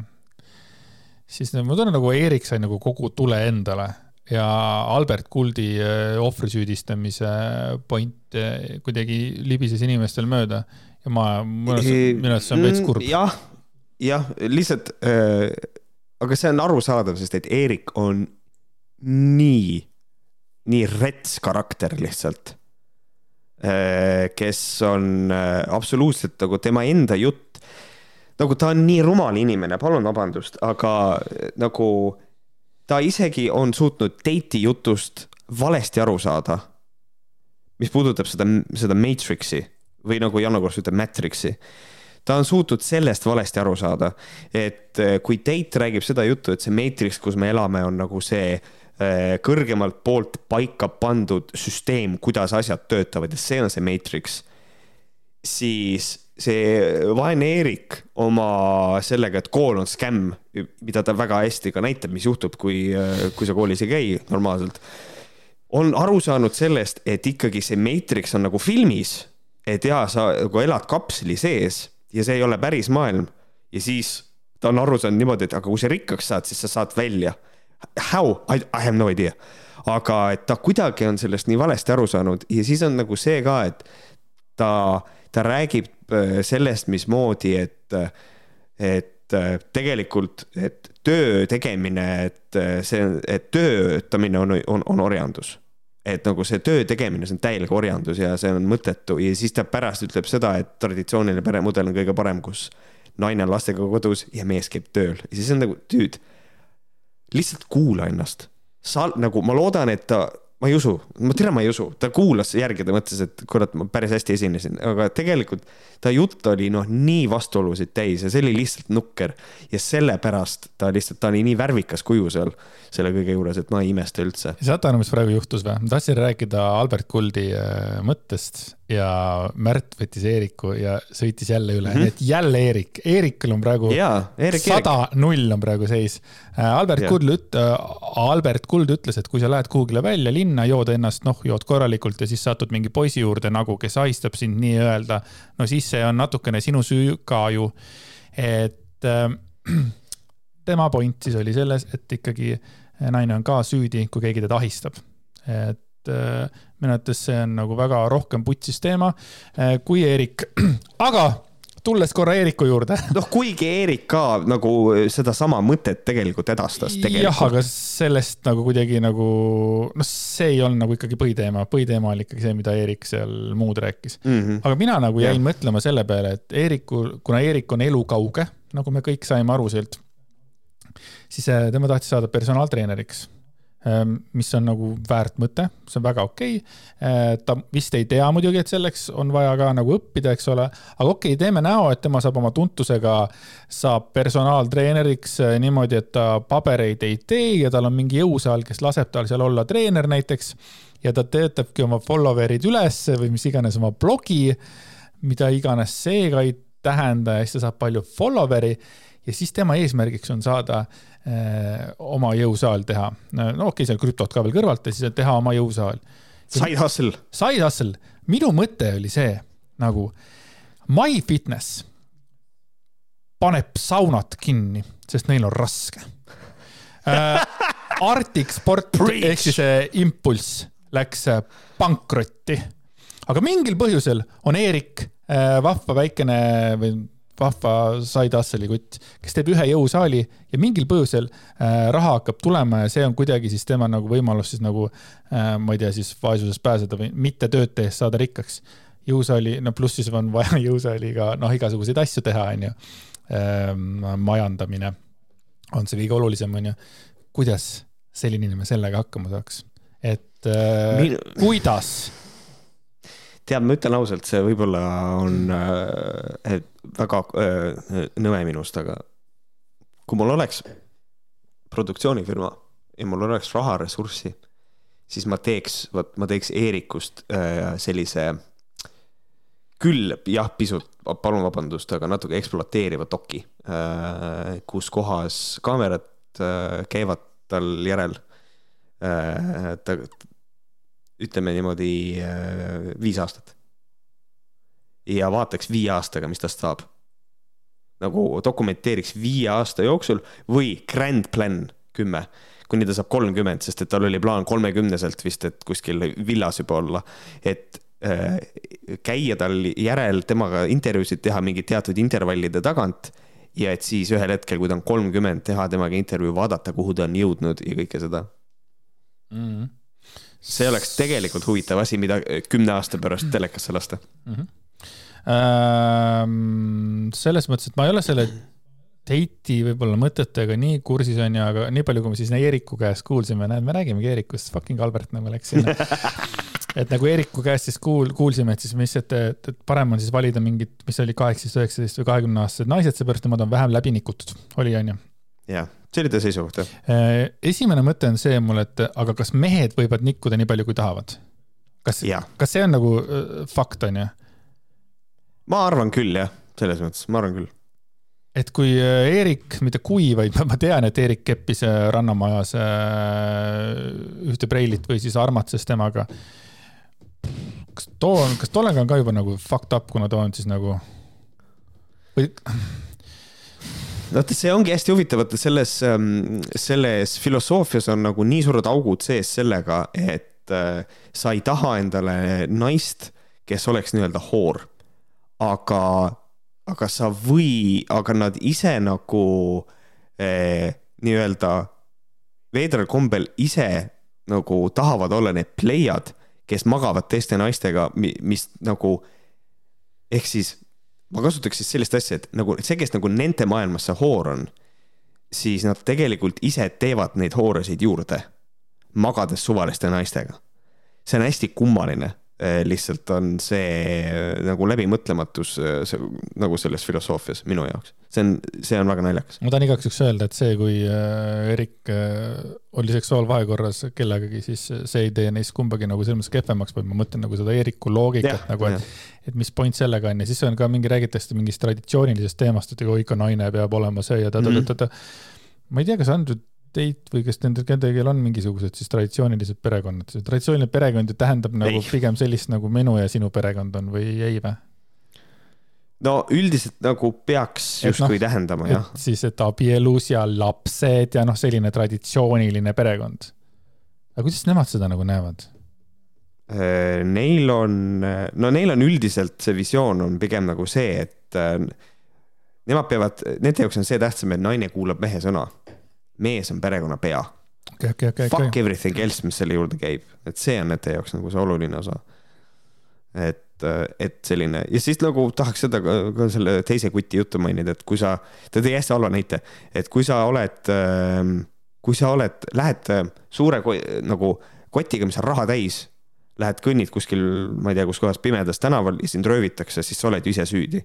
siis minu esimene küsimus on see, okei okay,, kui palju kotis raha võib olla, äh, et ma oleks ise süüdi? kui palju mul peab kotis olema raha, et ma saan öelda, et nüüd sellest piirist alates ma olen ise süüdi ja tegelikult see, et sind röövitakse, sa ei ole, sina ei ole selles süüdi, et sind röövitakse. sinu röövis on süüdi inimene, kes sind röövib. me võime rääkida riskikäitumisest, me võime rääkida, et on olemas. ja, aga ta ei rääkinud sellest, see, ma räägin, see, see point ongi, mis mind see kõige rohkem ja. nagu närvi ajas, see Alberti point nagu mm. -hmm et nagu me, me saame nagu intellektuaalsemal tasemel, me saame rääkida erinevatest riskiteguritest, aga ka siis sellised nagu riskikäitumisest, aga sellisel juhul on ka nagu see, et noh, tegelikult äh, probleem ei ole äh, selles, et rahaga, et inimene on siis süüdi, et teda röövitakse, ei, probleem on selles, et meil on inimesed, kes röövivad tegelikult. Ja meil on inimesed, kes ahistavad ja meil on inimesed, kes vägistavad, selles on probleem. et äh, mina tahaks elada Eh, mina tahaks elada sellises ühiskonnas, et kui eh, mingil põhjusel naine on juua täis ja ta hakkab koju komberdama, siis ta saab rahulikult koju komberdada niimoodi, et mitte keegi ei ürita seda ära kasutada. et, eh, et noh, siis selles mõttes noh, ma ei tea, ma ei oska nagu ma ei tea, see, mind lihtsalt kummastab, et endiselt on inimesed, kes sellise ohvri süüdistamisega tegelevad, aga ega siin ei olegi midagi teha vist. see vist on nii ja see vist jääb nii mm. -hmm. noh, võib ju tegelikult nagu tulla natukene vastu ja mõelda, et, et noh, et mehed on mehed, et jah, mehed on kahekümneaastased ja kui neil puuduvad mm, -hmm. ütleme, head eeskujud, see ei ole nüüd õigustamine. ma nagu tulen nagu, et, et ma nagu, ega mina nagu ei mõelnud samamoodi nagu praegu mõtlen kakskümmend aastat tagasi. ja mul on mm -hmm. nagu, see, see on holy shit, kui nad vaatavad seda nagu tagasi ja mõtlevad, mida vittu te just praegu tegite kahekesi nagu mm. -hmm. et, äh, et nagu selles mõttes otse loomulikult me saame öelda seda, et noh, tegelikult meil on nagu kultuuris väga suur probleem sees, me võime rääkida vägistamiskultuurist ja kõigest sellest, et, et meil on kultuuris on probleem sees. ja, ja, ja, ja selles mõttes, et nii nõme, kui see ka ei ole, siis äh, naisterahval minna pimedast pargist üksinda läbi on oluliselt suur riskikäitumine kui meesterahval minna pimedast pargist üksi läbi aga me ei saa süüdistada, et no aga ise sa läksid sealt pargist läbi. ei, probleem on selles, et eh, kultuur on selline, et naisel ei ole turvaline pargist läbi minna. probleem on selles, me ei saa võtta seda, et nii, nüüd lihtsalt nii on ja nüüd ongi, naised ei tohi, et nagu selles mõttes. mis me siis teeme Talibani või, või nagu noh ühesõnaga, see on, see on palju, see on palju keerukam vestlus ja see on palju nagu nüansirohkem vestlus, kui tegelikult sellest nagu noored kutid räägivad.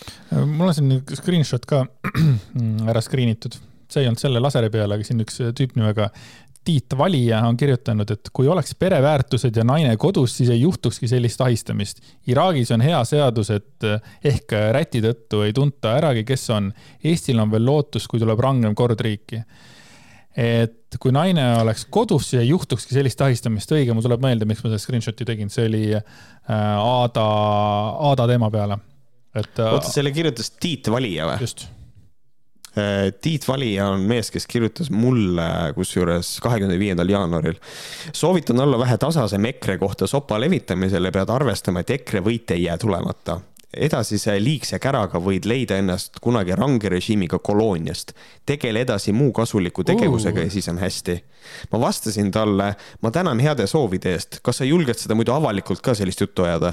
ja siis ta ei ole mulle kahekümne viiendast jaanuarist vastanud ja ma kirjutasin talle esmaspäeval eh, kell kümme õhtul, et kurat, sa pole mulle kaks nädalat vastanud, kas sul juhtus midagi ja ma näen, et ta on seda näinud, aga ta ei ole vastanud mulle, nii et ma kavatsen teda pommida mingi hea, nagu lihtsalt, et äh, endale tõestada seda, et äh, they talk big shit, aga they are nothing. Nad, nad on tegelikult kartlikud, kartlikud inimesed kõik, kes, kes sulle kirjutavad niimoodi. Tiit Valija profiilipildiks on Päästame Eesti ja siis see kaanefotoks on, tundub Mart Helme selja tagant kaabuga selle tõrviku rongkäigus ja ta jagab mm -hmm. sellist veidrat stuff'i nagu so äh, vanglaplaneet.ee, Soome esitles oma transseksuaalset iluuisutajat ja see lõppes nii, nagu arvata oli. ja okay. mingeid asju, no järjest mingisugust siukest mm. ilget kraami jagab. ja cool. lihtsalt äh,, lihtsalt igaks juhuks mainime ära seda, et äh, me ei väida seda, et tegu on EKRE valijaga ilmtingimata või et tegu on ilmtingimata EKRE liikmega või midagi sellist, et me ei tea seda äh,. lihtsalt me räägime sellest, milline on tema sotsiaalmeedia profiil True, aga nüüd äh, meil on tekkinud siia saatesse uus äh, allikas, mille nimi on viimsivald.ee. et tere tulemast viimsivald.ee ja sealt on selline artikkel äh, siis äh, klaarsus kui kristalliseerunud valguse kodu ja siin artiklis räägitakse siis Haabneemes asuvast klaarsust, klaarsusest, mis saab märtsikuus kümneaastaseks. klaarsus, need on Leie ja Kalev Klaar, kes on justkui sillaks kristallide maailma inimeste vahel. kõlab põnevalt, ütlete teie, mina ütlen jah eh,. nii, tahtsid öelda midagi ma lihtsalt tahtsin rõhutada, see artikkel on Viimsi valla kodulehel. mis ma ütlesin? Viimsi, see on nagu Viimsi teataja, ma lihtsalt rõhutan seda ühe korra veel ma ütlesin Viimsi vald punkt ühe. siuksed ja ma tean, ma lihtsalt rõhutan seda uuesti, et inimesed ei unustaks, millised, et nagu kus see on. see ei ole mingi algkeelne, see on Viim, Viimsi vald on pannud selle Viimsi teatajasse mm. -hmm. sa võid jätkata. seal on äh, siis äh, intervjuu nende kahe inimesega ja see on palju igavat juttu ja ma võtsin välja siis ainult selle, mis äh, mulle tundus huvitav nii, küsimus. kui inimene, kes ei ole kristallidest teadlik, soovib kristalli valida, siis kuidas seda teha, küsib autor. Leie vastab, meie viljeleme sellist loogikat, et iga inimene tunneb ära, mis tal vaja on. isegi kui alguses võib tunduda, et inimene on segaduses, kuid kui siia ruumi tulla, veidi aega võtta, on see võimalik. me suuname inimesi ise tunnetama, milline kristall tõmbab kas välimuse, kuju või muu aspekti pärast ka teisele ostes tuleb mõelda tema peale, lähtuma peaks hetkel inimese elus toimuvast. ma ei mäleta olukorda, kus keegi oleks tahtnud, lahkunud ilma sobiva esemeta ehm,. tekkisid sa, sa võid teha nägusid, et küsimärke onju. ja mul on ka küsimärk. esimene küsimärk on see, et eh, ta ei mäleta olukorda, kus keegi oleks lahkunud ilma sobiva esemeta. Eh, kuidas ta teab, et see inimesele sobiv ese oli, kui me kristallidest räägime, see ähm, leie siis ja türa küll. ja siis see ka, et äh, ta ütleb alguses, et in, iga inimene tunneb ära, mis tal vaja on ja siis hakkab pihta isegi, kui ei tunne, onju, siis me suuname inimesi ise tunnetama, mis tähendab, nad suunavad. et äh, juba ta nagu räägib endale kohe vastu, et see on nagu hästi armas minu arvates mm. -hmm. on sul mõni mõte, ei ole? Lähme edasi ei ole, ma tahtsin ise seda selle sama asjaga ilkuda, aga see on üleliigne juba, sa juba ütlesid ära selle mm. -hmm. Kalev Klaar on vastanud sellesama küsimuse kohta, et äh, kuna inforuumis on kristallide kohta palju ette kirjutatud äh, ja tekitatud kellegi poolt välja mõeldud soravad lood, kuhu on juurde pandud horoskoobid, astroloogia või metafüüsika, siis tulevad inimesed ka ootustega ja küsivad, et me räägiksime, mida kristallid teevad, mille jaoks või vastu nad on.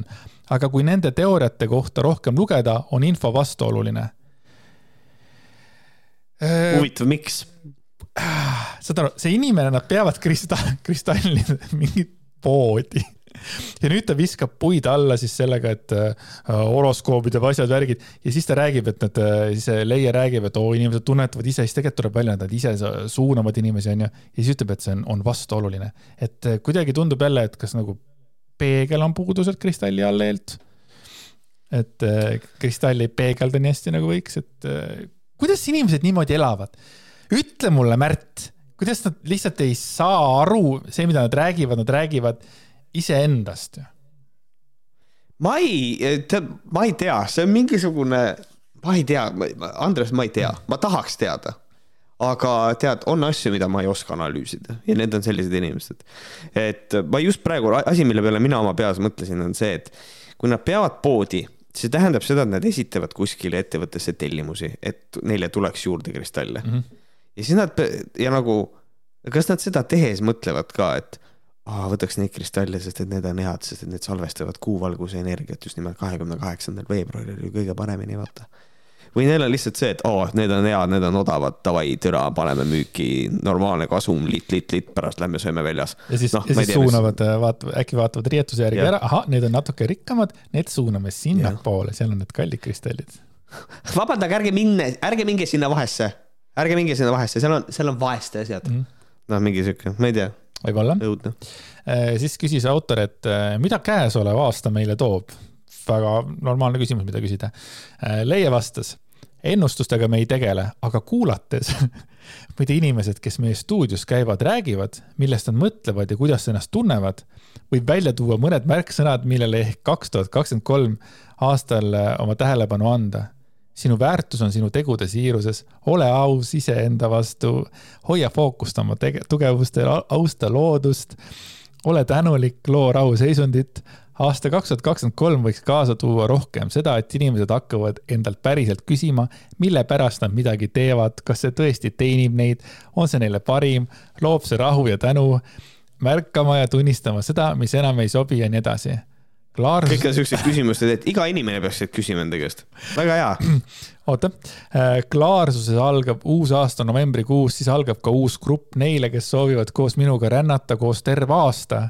tavaliselt kohtume kaheksal korral ja häälestame uuele perioodile ja teeme igasugu vahvaid asju. keda huvitab, siis tule meile külla ja uuri lähemalt hingeringi kohta. Neid ringe olen läbi viinud tänaseks viis aastat. kas te saate aru? tema käest küsiti, mida käesolev aasta neile toob siis ta ütleb, et ta ei tegele ennustustega ja siis ta rääkis, et ta kuulab inimesi ja siis nagu ta andis seda infot edasi, mis oli mingi suvaline joorup, mis ta hakkas ikkagi ise ennustama. Et jälle nagu vastuolu. kusjuures ei, ma olen vastu sulle no., Andres, ta isegi ei ennusta ta isegi, ma täiega oponeerin, ma ütlen sulle, you, you, you're actually wrong. sellepärast, et ta käest küsitakse, mida aasta toob. ei, ma ei tegele ennustamisega, aga kuulates inimesi, siis ma arvan ja siis ta hoopis ütleb seda, mida järgmisel aastal inimesed, millele nad võiksid tähelepanu juhtida ja kuidas nad võiksid oma elusid elada. ehk ta isegi ei ennusta, vaid, aga ta otsustab küsimusele vastata täpselt nii, nagu ta ise tahab. Ta isegi, ta ei tegele siin isegi ennustamisega, kuigi ta nagu noh, eh, noh, ma ei no ja vaata, ja vaata, aga vaat noh, selles mõttes, et ennustamist. tead, aga see info ongi, Andres, vastuoluline. vaata, ennustamist ei ole olemas.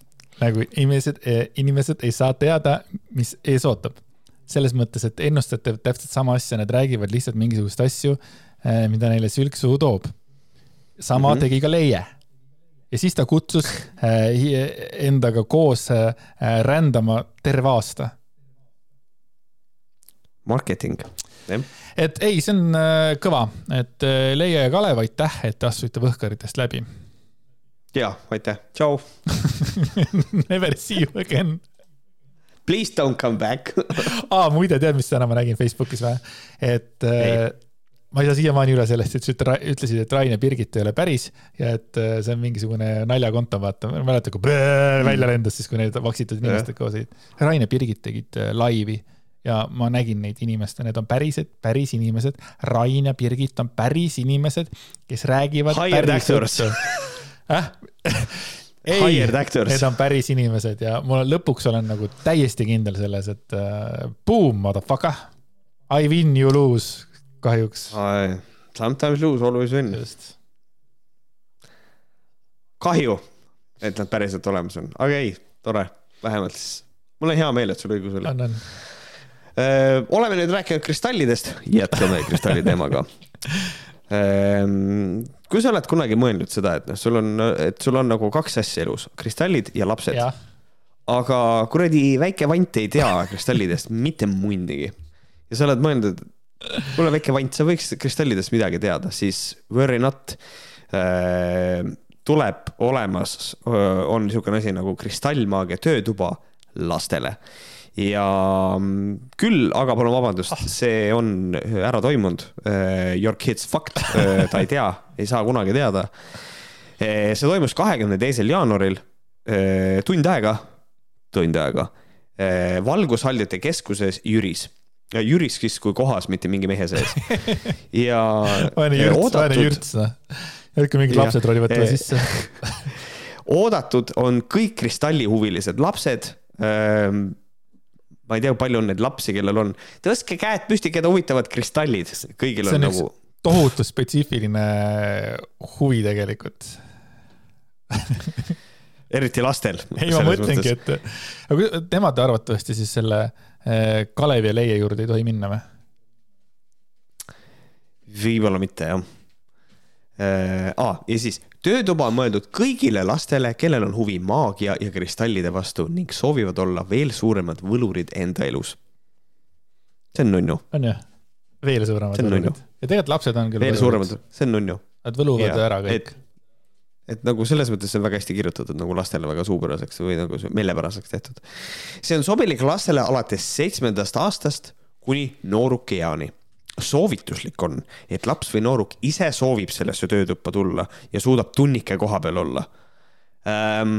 sa ennem ütlesid, vaata, et äh, noh, tuleb laps sinna vedada. palju on neid lapsi, kes on nagu, jaa ema, ma tahan olla kristalli töötoas tund aega aga selles see point ongi, miks see oli nii loll, ongi see, et see on nii spetsiifilise huviga, et kui su, kui on lapsi, kes on kristallidele nagu ise, noh, ise huvituvad sellest, siis nendele on see mõeldud mm. -hmm. ja alates seitsmendast eluaastast kuni noorukueana, kas kuueaastane fucking crazy kristalli väikene sõber, kas tema ei tohi minna, ta on pöörane, ta öösel unenägusid, kristall, kristall, kristall, kristall, kristall, vanemad käisid tal kuradi leie ja kuradi Kalevi juures onju, ta on kristallides kinni, tema ei tohi minna. nooruku, kuni nooruku, nooruki eani.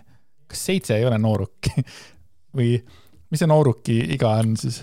nooruki iga peaks olema. ongi selline kuni kolmteist või?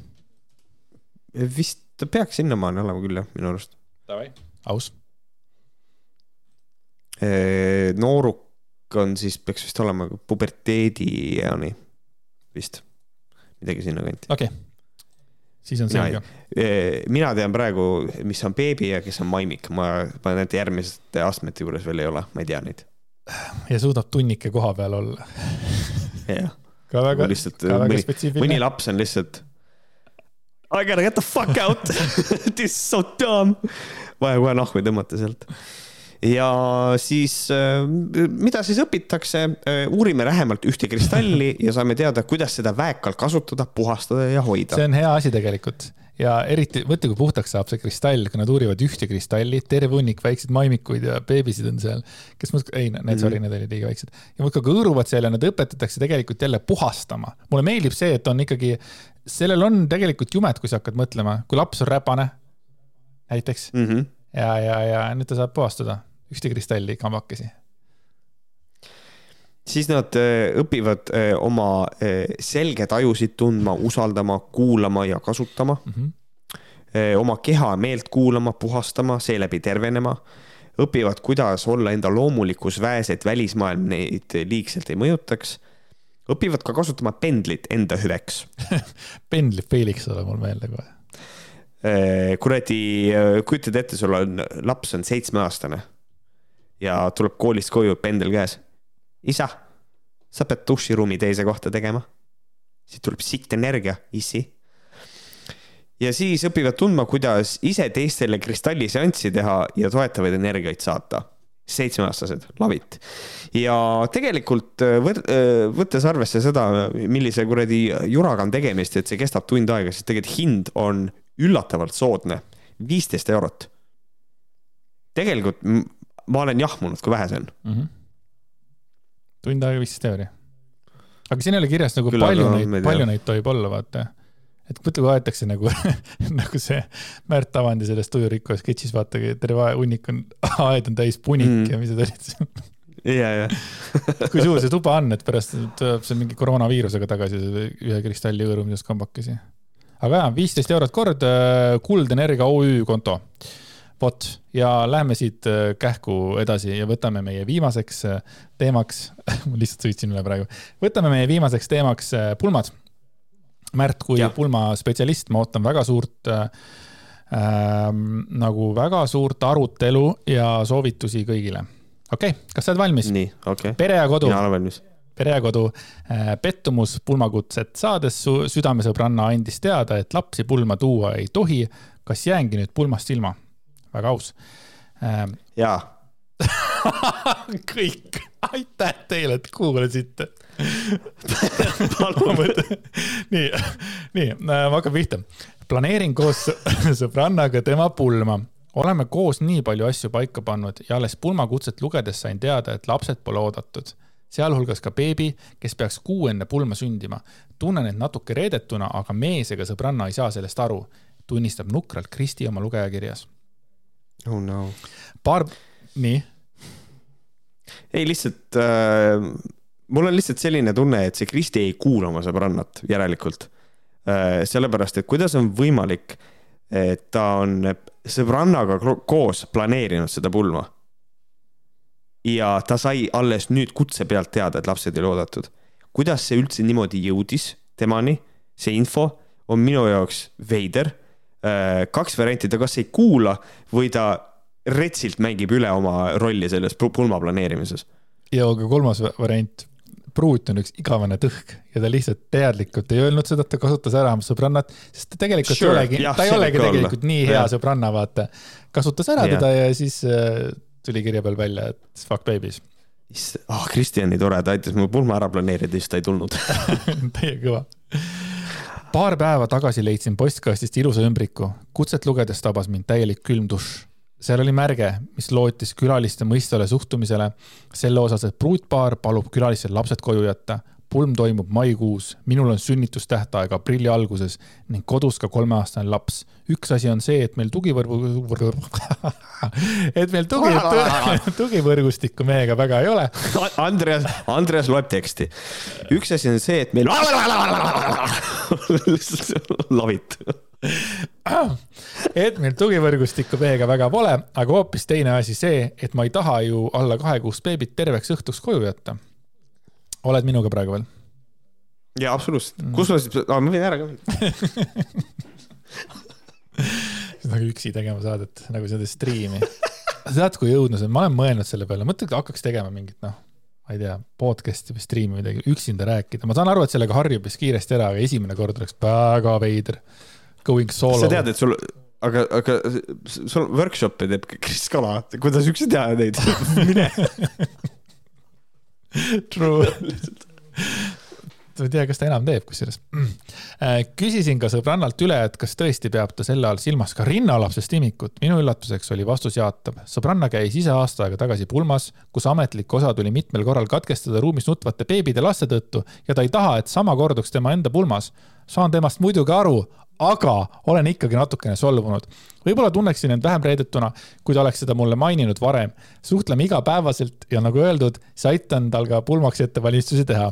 miks ma pidin alles pulmakutselt lugema, et mu lapsed pole oodatud? ma arvan, et sul on ikkagi vist õigus, et ta ei kuulanud ja selles mõttes, kui ta on nagu. ilmselt küll. ta on praegu, ta on praegu full rase, noh, full rase selline, noh. jah, ta on ikkagi nagu üsna rase ja tal võib-olla ongi see fookus nagu teise koha peal. Ja ta lihtsalt. ja mis on normaalne kusjuures tegelikult, aga, aga, aga nagu selles mõttes minu abikaasa on ka olnud, tahtsin öelda purjus pulmaisa. Rase, väga rase, et selles mõttes, aga, aga minu abikaasa oli kogu aeg nagu teadlik sellest, et tal on võib-olla mõte mujal ja ta küsis näiteks minu käest üle, oota, kas me oleme sellest rääkinud, siis ma ütlesin, jaa, oleme küll, aa, okei okay,, selge. et, et et tegelikult siin on, siin, tal on nagu see vabandus, et tal on võib-olla fookus mujal, see absoluutselt jah mm. -hmm. aga see ka, samas noh, ta on ikkagi teadlik, sest ta ütleb ilusti, et sõbranna käis ise aasta tagasi pulmas, kus ametlik osa tuli mitmel korral katkestada ruumis nutvate beebide laste tõttu ja ta ei taha, et sama korduks tema enda pulmas. nagu, kas siis on nagu, on siis veel rohkem nagu vaja üldse selle nagu, see ongi nagu hea põhjus ju. täiesti, põhjus, täiesti jah. normaalne, et sa ei taha nagu äh, beebisid pulma mm. -hmm minul on olnud äh, beebid äh, pulmades ja ei ole, ei ole, ei ole probleemi olnud, aga mäletan, et minu esimeses mm, -hmm. esimesel laulatusel oli küll õe, õelaps tegi küll häält, aga nagu esiteks ka minu fookus on täielikult nagu abiellumisel sellel hetkel, et tegelikult kui ta tegi häält, eks ole, siis õde kõndis kähku välja ära ka onju. tegelikult see ei ole probleem, aga noh, ma ei tea, ju siis oligi nii hull kogemused selles mõttes, et äh, ma ei taha, et ta ei taha lihtsalt, et äh, pulmas mingisugused lapsed karjuks, mis on jumala okei okay.. jah, muidugi Äh, nüüd ma ei teagi, mida teha. variant pole ka see, et mees jääks koju ja mina läheks vähemalt ametlikule osale. sõbranna tulevane abikaasa on minu mehe üks parimatest sõpradeks, sõpradest. kogu aeg on mingisugune häda, vaata. kogu aeg on häda, ei saa nii, ei saa naa, no siis mul on, ma ei tea, et ma ei teagi, mida teha. Ära mine pulma. Kõik, kui su tugivõrgustikku ei ole, siis sul jääb pulma minemata, easy, lihtsalt nii on mm. -hmm kas mul tuleb siis tõesti hea sõbranna pulm vahele jätta või jätan vahele ametliku osa, mille pärast sõbranna kõige rohkem kardab ja püüan temaga rääkida, et saaksin beebi ikkagi peole kaasa võtta. nii pisikene magab ju läbi igasuguse lärmi. kui tõesti ei õnnestuks, siis tuleksin muidugi koju. kas sulle öeldi lastevaba pulm? Kui, kui raske on tegelikult sellest nagu aru saada, et ükskõik, aga ta võtab, kõige haigem ongi see, et see on fucking äh, inimene abiellub, onju. noh, normaalne inimene abiellub üks kord mõned rohkem, onju. Nad on ka normaalsed, aga lihtsalt, et esimene võib-olla läks aia taha. et äh, abiellub, on ju, mingi elutähtsaim päev, on ju, ja siis mingisugune sõbranna käib, kõik on läbi, ma ei saa nüüd tulla pulma või ma pean koju jääma või ma ei saa, mis ma lapsega, türa, kelle asi see on? see on tolle inimese äh, pulm jah, see on nagu tema pidu selles mõttes ja nagu siin on äh,, mulle meeldib see ka, et ta nagu äh, ei, isegi ei ole, et laps, ma ei taha terveks õhtuks last jätta. nii, ma saan sellest aru. aga ära jäta terveks õhtuks. kui on võimalik, äkki öö, leida inimene ja hoidja, et sa saad ametlikul osal ära käia, laulatamise osal nii-öelda, saad seal ära käia, siis lähed koju, näiteks, noh. või, või on, või on lähedal, või on lähedal see äh, koht äh,, ööbimiskoht mm,. noh, mis. ja võtad no,, võtad, äh, ma ei tea, kellegi kaasa või see ongi, et mees on nii kaua on lapsega, kuni siis naine natukene aega on seal, siis läheb ta teistpidi. et ta tegelikult seda saab, et see ei ole nii must ja valge nüüd, et oo, ja nüüd tema, äh, mu mees on üks parimatest sõpradest. kas ta on siis parim sõber või parimatest sõpradest? kas siis nagu mees on parim sõber kui tema? milles see häda on? Ja, ja, ja lisaks sellele mul tekib ka küsimus, et kas ta on selle parim sõber või ta on su abikaasa mul tekib see küsimus ka, see on noh, lihtne true, küsimus. True, äkki jah äh,. mees arvab, et tegu on sõbranna pulmaga, ühe tähtsaima päevaga ta elus ja ma peaksin tema soovidega arvestama mm. -hmm. Teiega. tema Tubli, jaoks tundub nagu, selline ka.... mees on actually tark inimene, väga hea. tema jaoks tundub selline kauplemine tobe, ta ei mõista, mille üle ma solvun Beist, õige, türa ela oma elu, kui su sõbranna ütleb sulle, et äh, nagu sorry, sul on laps, ma ei taha, et sa tuled, siis sa nagu take the fucking hint, ära kauple, noh. Aga kuule, kas ma niimoodi võin, et ma istun lapsega hästi ukse juurde, ei, türa, see on lastevaba pulm, saad aru äkki on asi selles, et olen ise alati üritanud kõikide ürituste korraldamise puhul võtta arvesse enda jaoks lähedasi inimesi no issand jumal küll, nüüd on nagu see, et nüüd ta me, teeb seda pilti, et noh, mina olen arvestanud teistega nagu ja nemad arvestasid sellega, mida nemad tahavad, sellepärast et see on nende pulm. ma olin valmis, et sa hakkad karjuma, aga ei olnudki ähm,. et see on nende pulm, kurat kes tuleb kaugelt, kellel on lapsed, kes ei tarbi liha, minu jaoks on loogiline, et kui inimene on kallis, siis võtan teda arvesse. minul on praegu tunne, et minuga ei arvestata. tegu ei ole ju. Take the hint, järelikult sa ei ole kallis, türa Märt. mõtle, kui õudne, ta on tegelikult inimene, ta arvab, ta arvab, et see on ta sõbranna. ta ainult arvab mm. -hmm sa võid jätkata, ma vabandust vahele tegu ei ole ju kauge tuttavaga, vaid südamesõbrannaga, kes teab väga hästi, et hoidjaid meil kahjuks pole ja ka seda, miks mul oleks raske beebit kellegi teise hoolde jätta. minu suurim probleem selle juures on see, et see kirjakirjutaja, kui see on nagu päris probleem, võtab isiklikult, nagu räägitaks temaga, nagu, nagu ja. ainult temaga, kõigile on kirjutatud lastevaba pulm. Kõik fucking arvestavad sellega, kes saab, saab, kes ei saa, ei saa. see ei ole ainult tema kutse peal veel lastevaba pulm. see ei ole tema pulm, et tema seal peab olema. nagu. jah, jah see, see, see, see on, see on nagu, nii ebareaalne jah, nagu probleem ja okei okay,, ma võib-olla suudaksin mõista, kui see on mingisugune, ongi mingi parim sõbranna, kellega terve elu ähm, lapsest saadik kasvanud ja neil oli mingi pinkisfeer ja kõik asjad ja et me kunagi alati arvestame teineteise soovidega rohkem kui enda ja enda tulevase abikaasa soovidega ja neil on mingi verevanna antud ja kõik muud asjad. aga siin ei ole verevannet. kusjuures mul, kusjuures mul oli kunagi üks sõber, äh, kes tahtis, et me teeksime verevande temaga, vaata. aga mitte niimoodi, et vaata mingisugune nagu mingisugune, mingi kuradi tõmbad mingi veriseks ennast, siis paned kokku, vaid see oli mingisugused nad ala, et nagu, et panna mingi asja sisse, ma ei tea, äkki vee sisse ja siis nagu juua ja siis on mingi vere nagu verevend või midagi taolist. Ma ütlesin ei õige, õige ma.... Fuck you, ma ei tea, kelle poolt sa tulevikus hääletad ja kes sa oled. et äh, see tundus mulle kuidagi, kuidagi hirmuäratav kellegi verd juua nagu. jah, jah. üldse see pakkumine oli juba fuck off nagu tegelikult kujutad sa ette või? aga tahtsime nagu verevend olla. ma muidugi ei tea, kuidas see nagu meie suhet oleks parandanud, et me nagu ei suhtle temaga viimased kusjuures minul on, äh, minul on sõber, kellega meil on midagi sarnast tehtud, aga me ei ole verevennad, me oleme tulevennad. me tegime, me tegime, me tegime üksteist tulevendadeks. ei, me tegime niimoodi, et äh, me, me panime endale käe peale mõlemad atsetooni.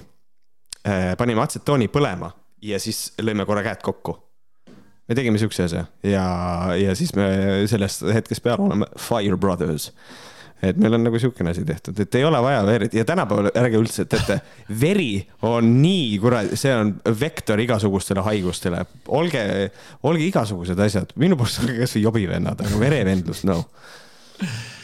jaa aga igatahes ega siin äh, sellest äh, artiklist ei olegi midagi, ma panen selle kinni ära, et. Äh, et, et ega nagu tegelikult ma nagu lõpetuseks lihtsalt nagu tahangi seda öelda, et nagu tegelikult ka pulm ei ole, kui sa oled pulmakülaline, siis see pulm ei ole sinule tehtud, see pulm on äh, teiste, see on nagu need, kes abielluvad, see on, see on tegevusüritus on neile ja nemad dikteerivad, mis seal toimub.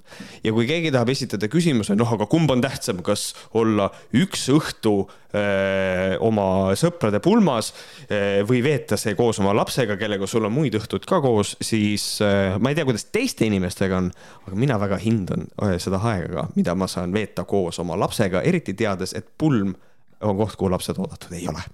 ehk siis, äh, kui minu kõige parem sõber, äh, seesama Fire Brother ütleb mulle, et kuule, et me teeme, me teeme pulma, aga et on lastevaba pulm. ja ma vaatan olu, nagu asjale otsa, olukorrale, saan aru, et jah, et äh, praegu on niimoodi, et tegelikult ma ei saa tulla. sellisel juhul, siis ma ei lähe sinna. ma olen sinuga nõus. Fucking no-brainer nagu, ma ei tea see, see sama inimene võiks kirjutada mingisuguse kaks, kaheksateist pluss baasse ka. Äh,. kindel, et kas ma niimoodi ei või teha, et mu laps on ainult toas? Äh,. hakka seal ka kauplema. Äh, jah, kui see, ma räägin, kui see nagu ei ole välja imetud artikkel, et me ei tea seda, luge, lugege kirjad on alati sellised kahtlased, aga nagu me teada saime, siis inimesed kirjutavad ikkagi ajakirjanikele või mingitesse yeah. kohtadesse et.... ma isegi unustasin sulle nagu rääkida seda, et vaata, sul oli see, et oh, et inimesed äh, kirjutavad, inimesed helistavad ka. see on ju täiesti hullumeelne, näiteks kui äh, ei, noh, mulle ka vahest, aga, aga näiteks ERR-il on nagu see, et mina kuulsin küll seda, et äh, kas see oli, kas see oli esimene stuudio vist äh,, kus, noh, et kui ikka poliitikutega räägiti, siis oli täiesti normaalne, inimesed helistasid äh, ERR-i toimetusse ja siis sõimasid. Äh, kui mingi Anna Pihli kohta vist on väga ine-, väga inetult öeldud ja, ja igasuguseid koledaid sõnu öeldud, et aa, see oli vist, mingi intervjuu vist oli tehtud Henn Põlluaasaga no ja siis oli ka, et ta on meie riigis number kaks mees, kuidas ta julgeb talle niimoodi selliseid küsimusi esitada. et noh, et siukseid inimesi on küll jah, tegelikult inimesed võtavad endale väga palju vabadusi küll. number kaks siis kelle järel? peaministri või? Riigikogu esimees oli vist Põlluaas, presidendi järel teine. mõtlesin Martin Helme, Mart Helme järel teine. ei, need on number kaks meest siin Eestis üldse, et mm aga kindlasti, kes äh, ei ole number üks ega kaks mees, on, ma ei tea, mul ei ole vastust. See on nagu segway mitte kuskile. Ma vaatasin lihtsalt parasjagu äh, päeva mõtet, kui ma nagu rääkisin ja siis mul läks nagu kõik kaduma kõik on läinud. kõik on, kõik on katki. Äh, no aga kui päeva mõttest juba räägime, siis äh, ma teen kohustusliku osa ära. kuule, sina kuulaja, äh, sa kuulad praegu meie saadet number kuuskümmend seitse, see on meie tavasaade. meie järgmine saade tuleb äh, välja võib-olla, tegelikult me praegu ei teagi, võib-olla tuleb juba järgmine nädal, who knows. Äh, praegu on niisugune pull aeg, aga reeglina on niimoodi, et meil tuleb sellist tavasaadet ehk Võhkarit välja kuus kaks korda. tavapäraselt on nii, aga kui sa tunned, et seda on su jaoks vähe ja tahad, et oleks neli saadet, siis liitu meie Patreoniga. Patreon.com kaldkriips Vohkarid, viie euro eest kuus on sul ligipääs kõikidele meie saadetele, mis me oleme teinud patroonhäälinguna ja veel sisu, veel asju, mida kuulata. Andrease ja Märdi mõtted, mis saaks olla veel hullem või parem? sinu otsustada. ja päeva mõte tuleb siis äh, inimese poolt, kelle nimi on Kersti Lang me elame kunstliku päikese ja kunsti, kunstlike tsüklitega talus. maaomanikud lüpsavad meid energeetiliselt kuid see äri on lõppemas, teine talu hakkab kontrolli alt väljuma. kunagi ammu loodi kilp, mis eraldas maa tõelisest kosmosest. plasmaenergia barjäärist tehtud kilp on lagunemas. KM-i kukutamisega astume nüüd tõenäoliselt uude kambriumi plahvatusse, mille käigus toimub maiselu eksponentsiaalne la laienemine universumisse. aitäh teile! aitäh teile järgmise korrani, tšau! tšau!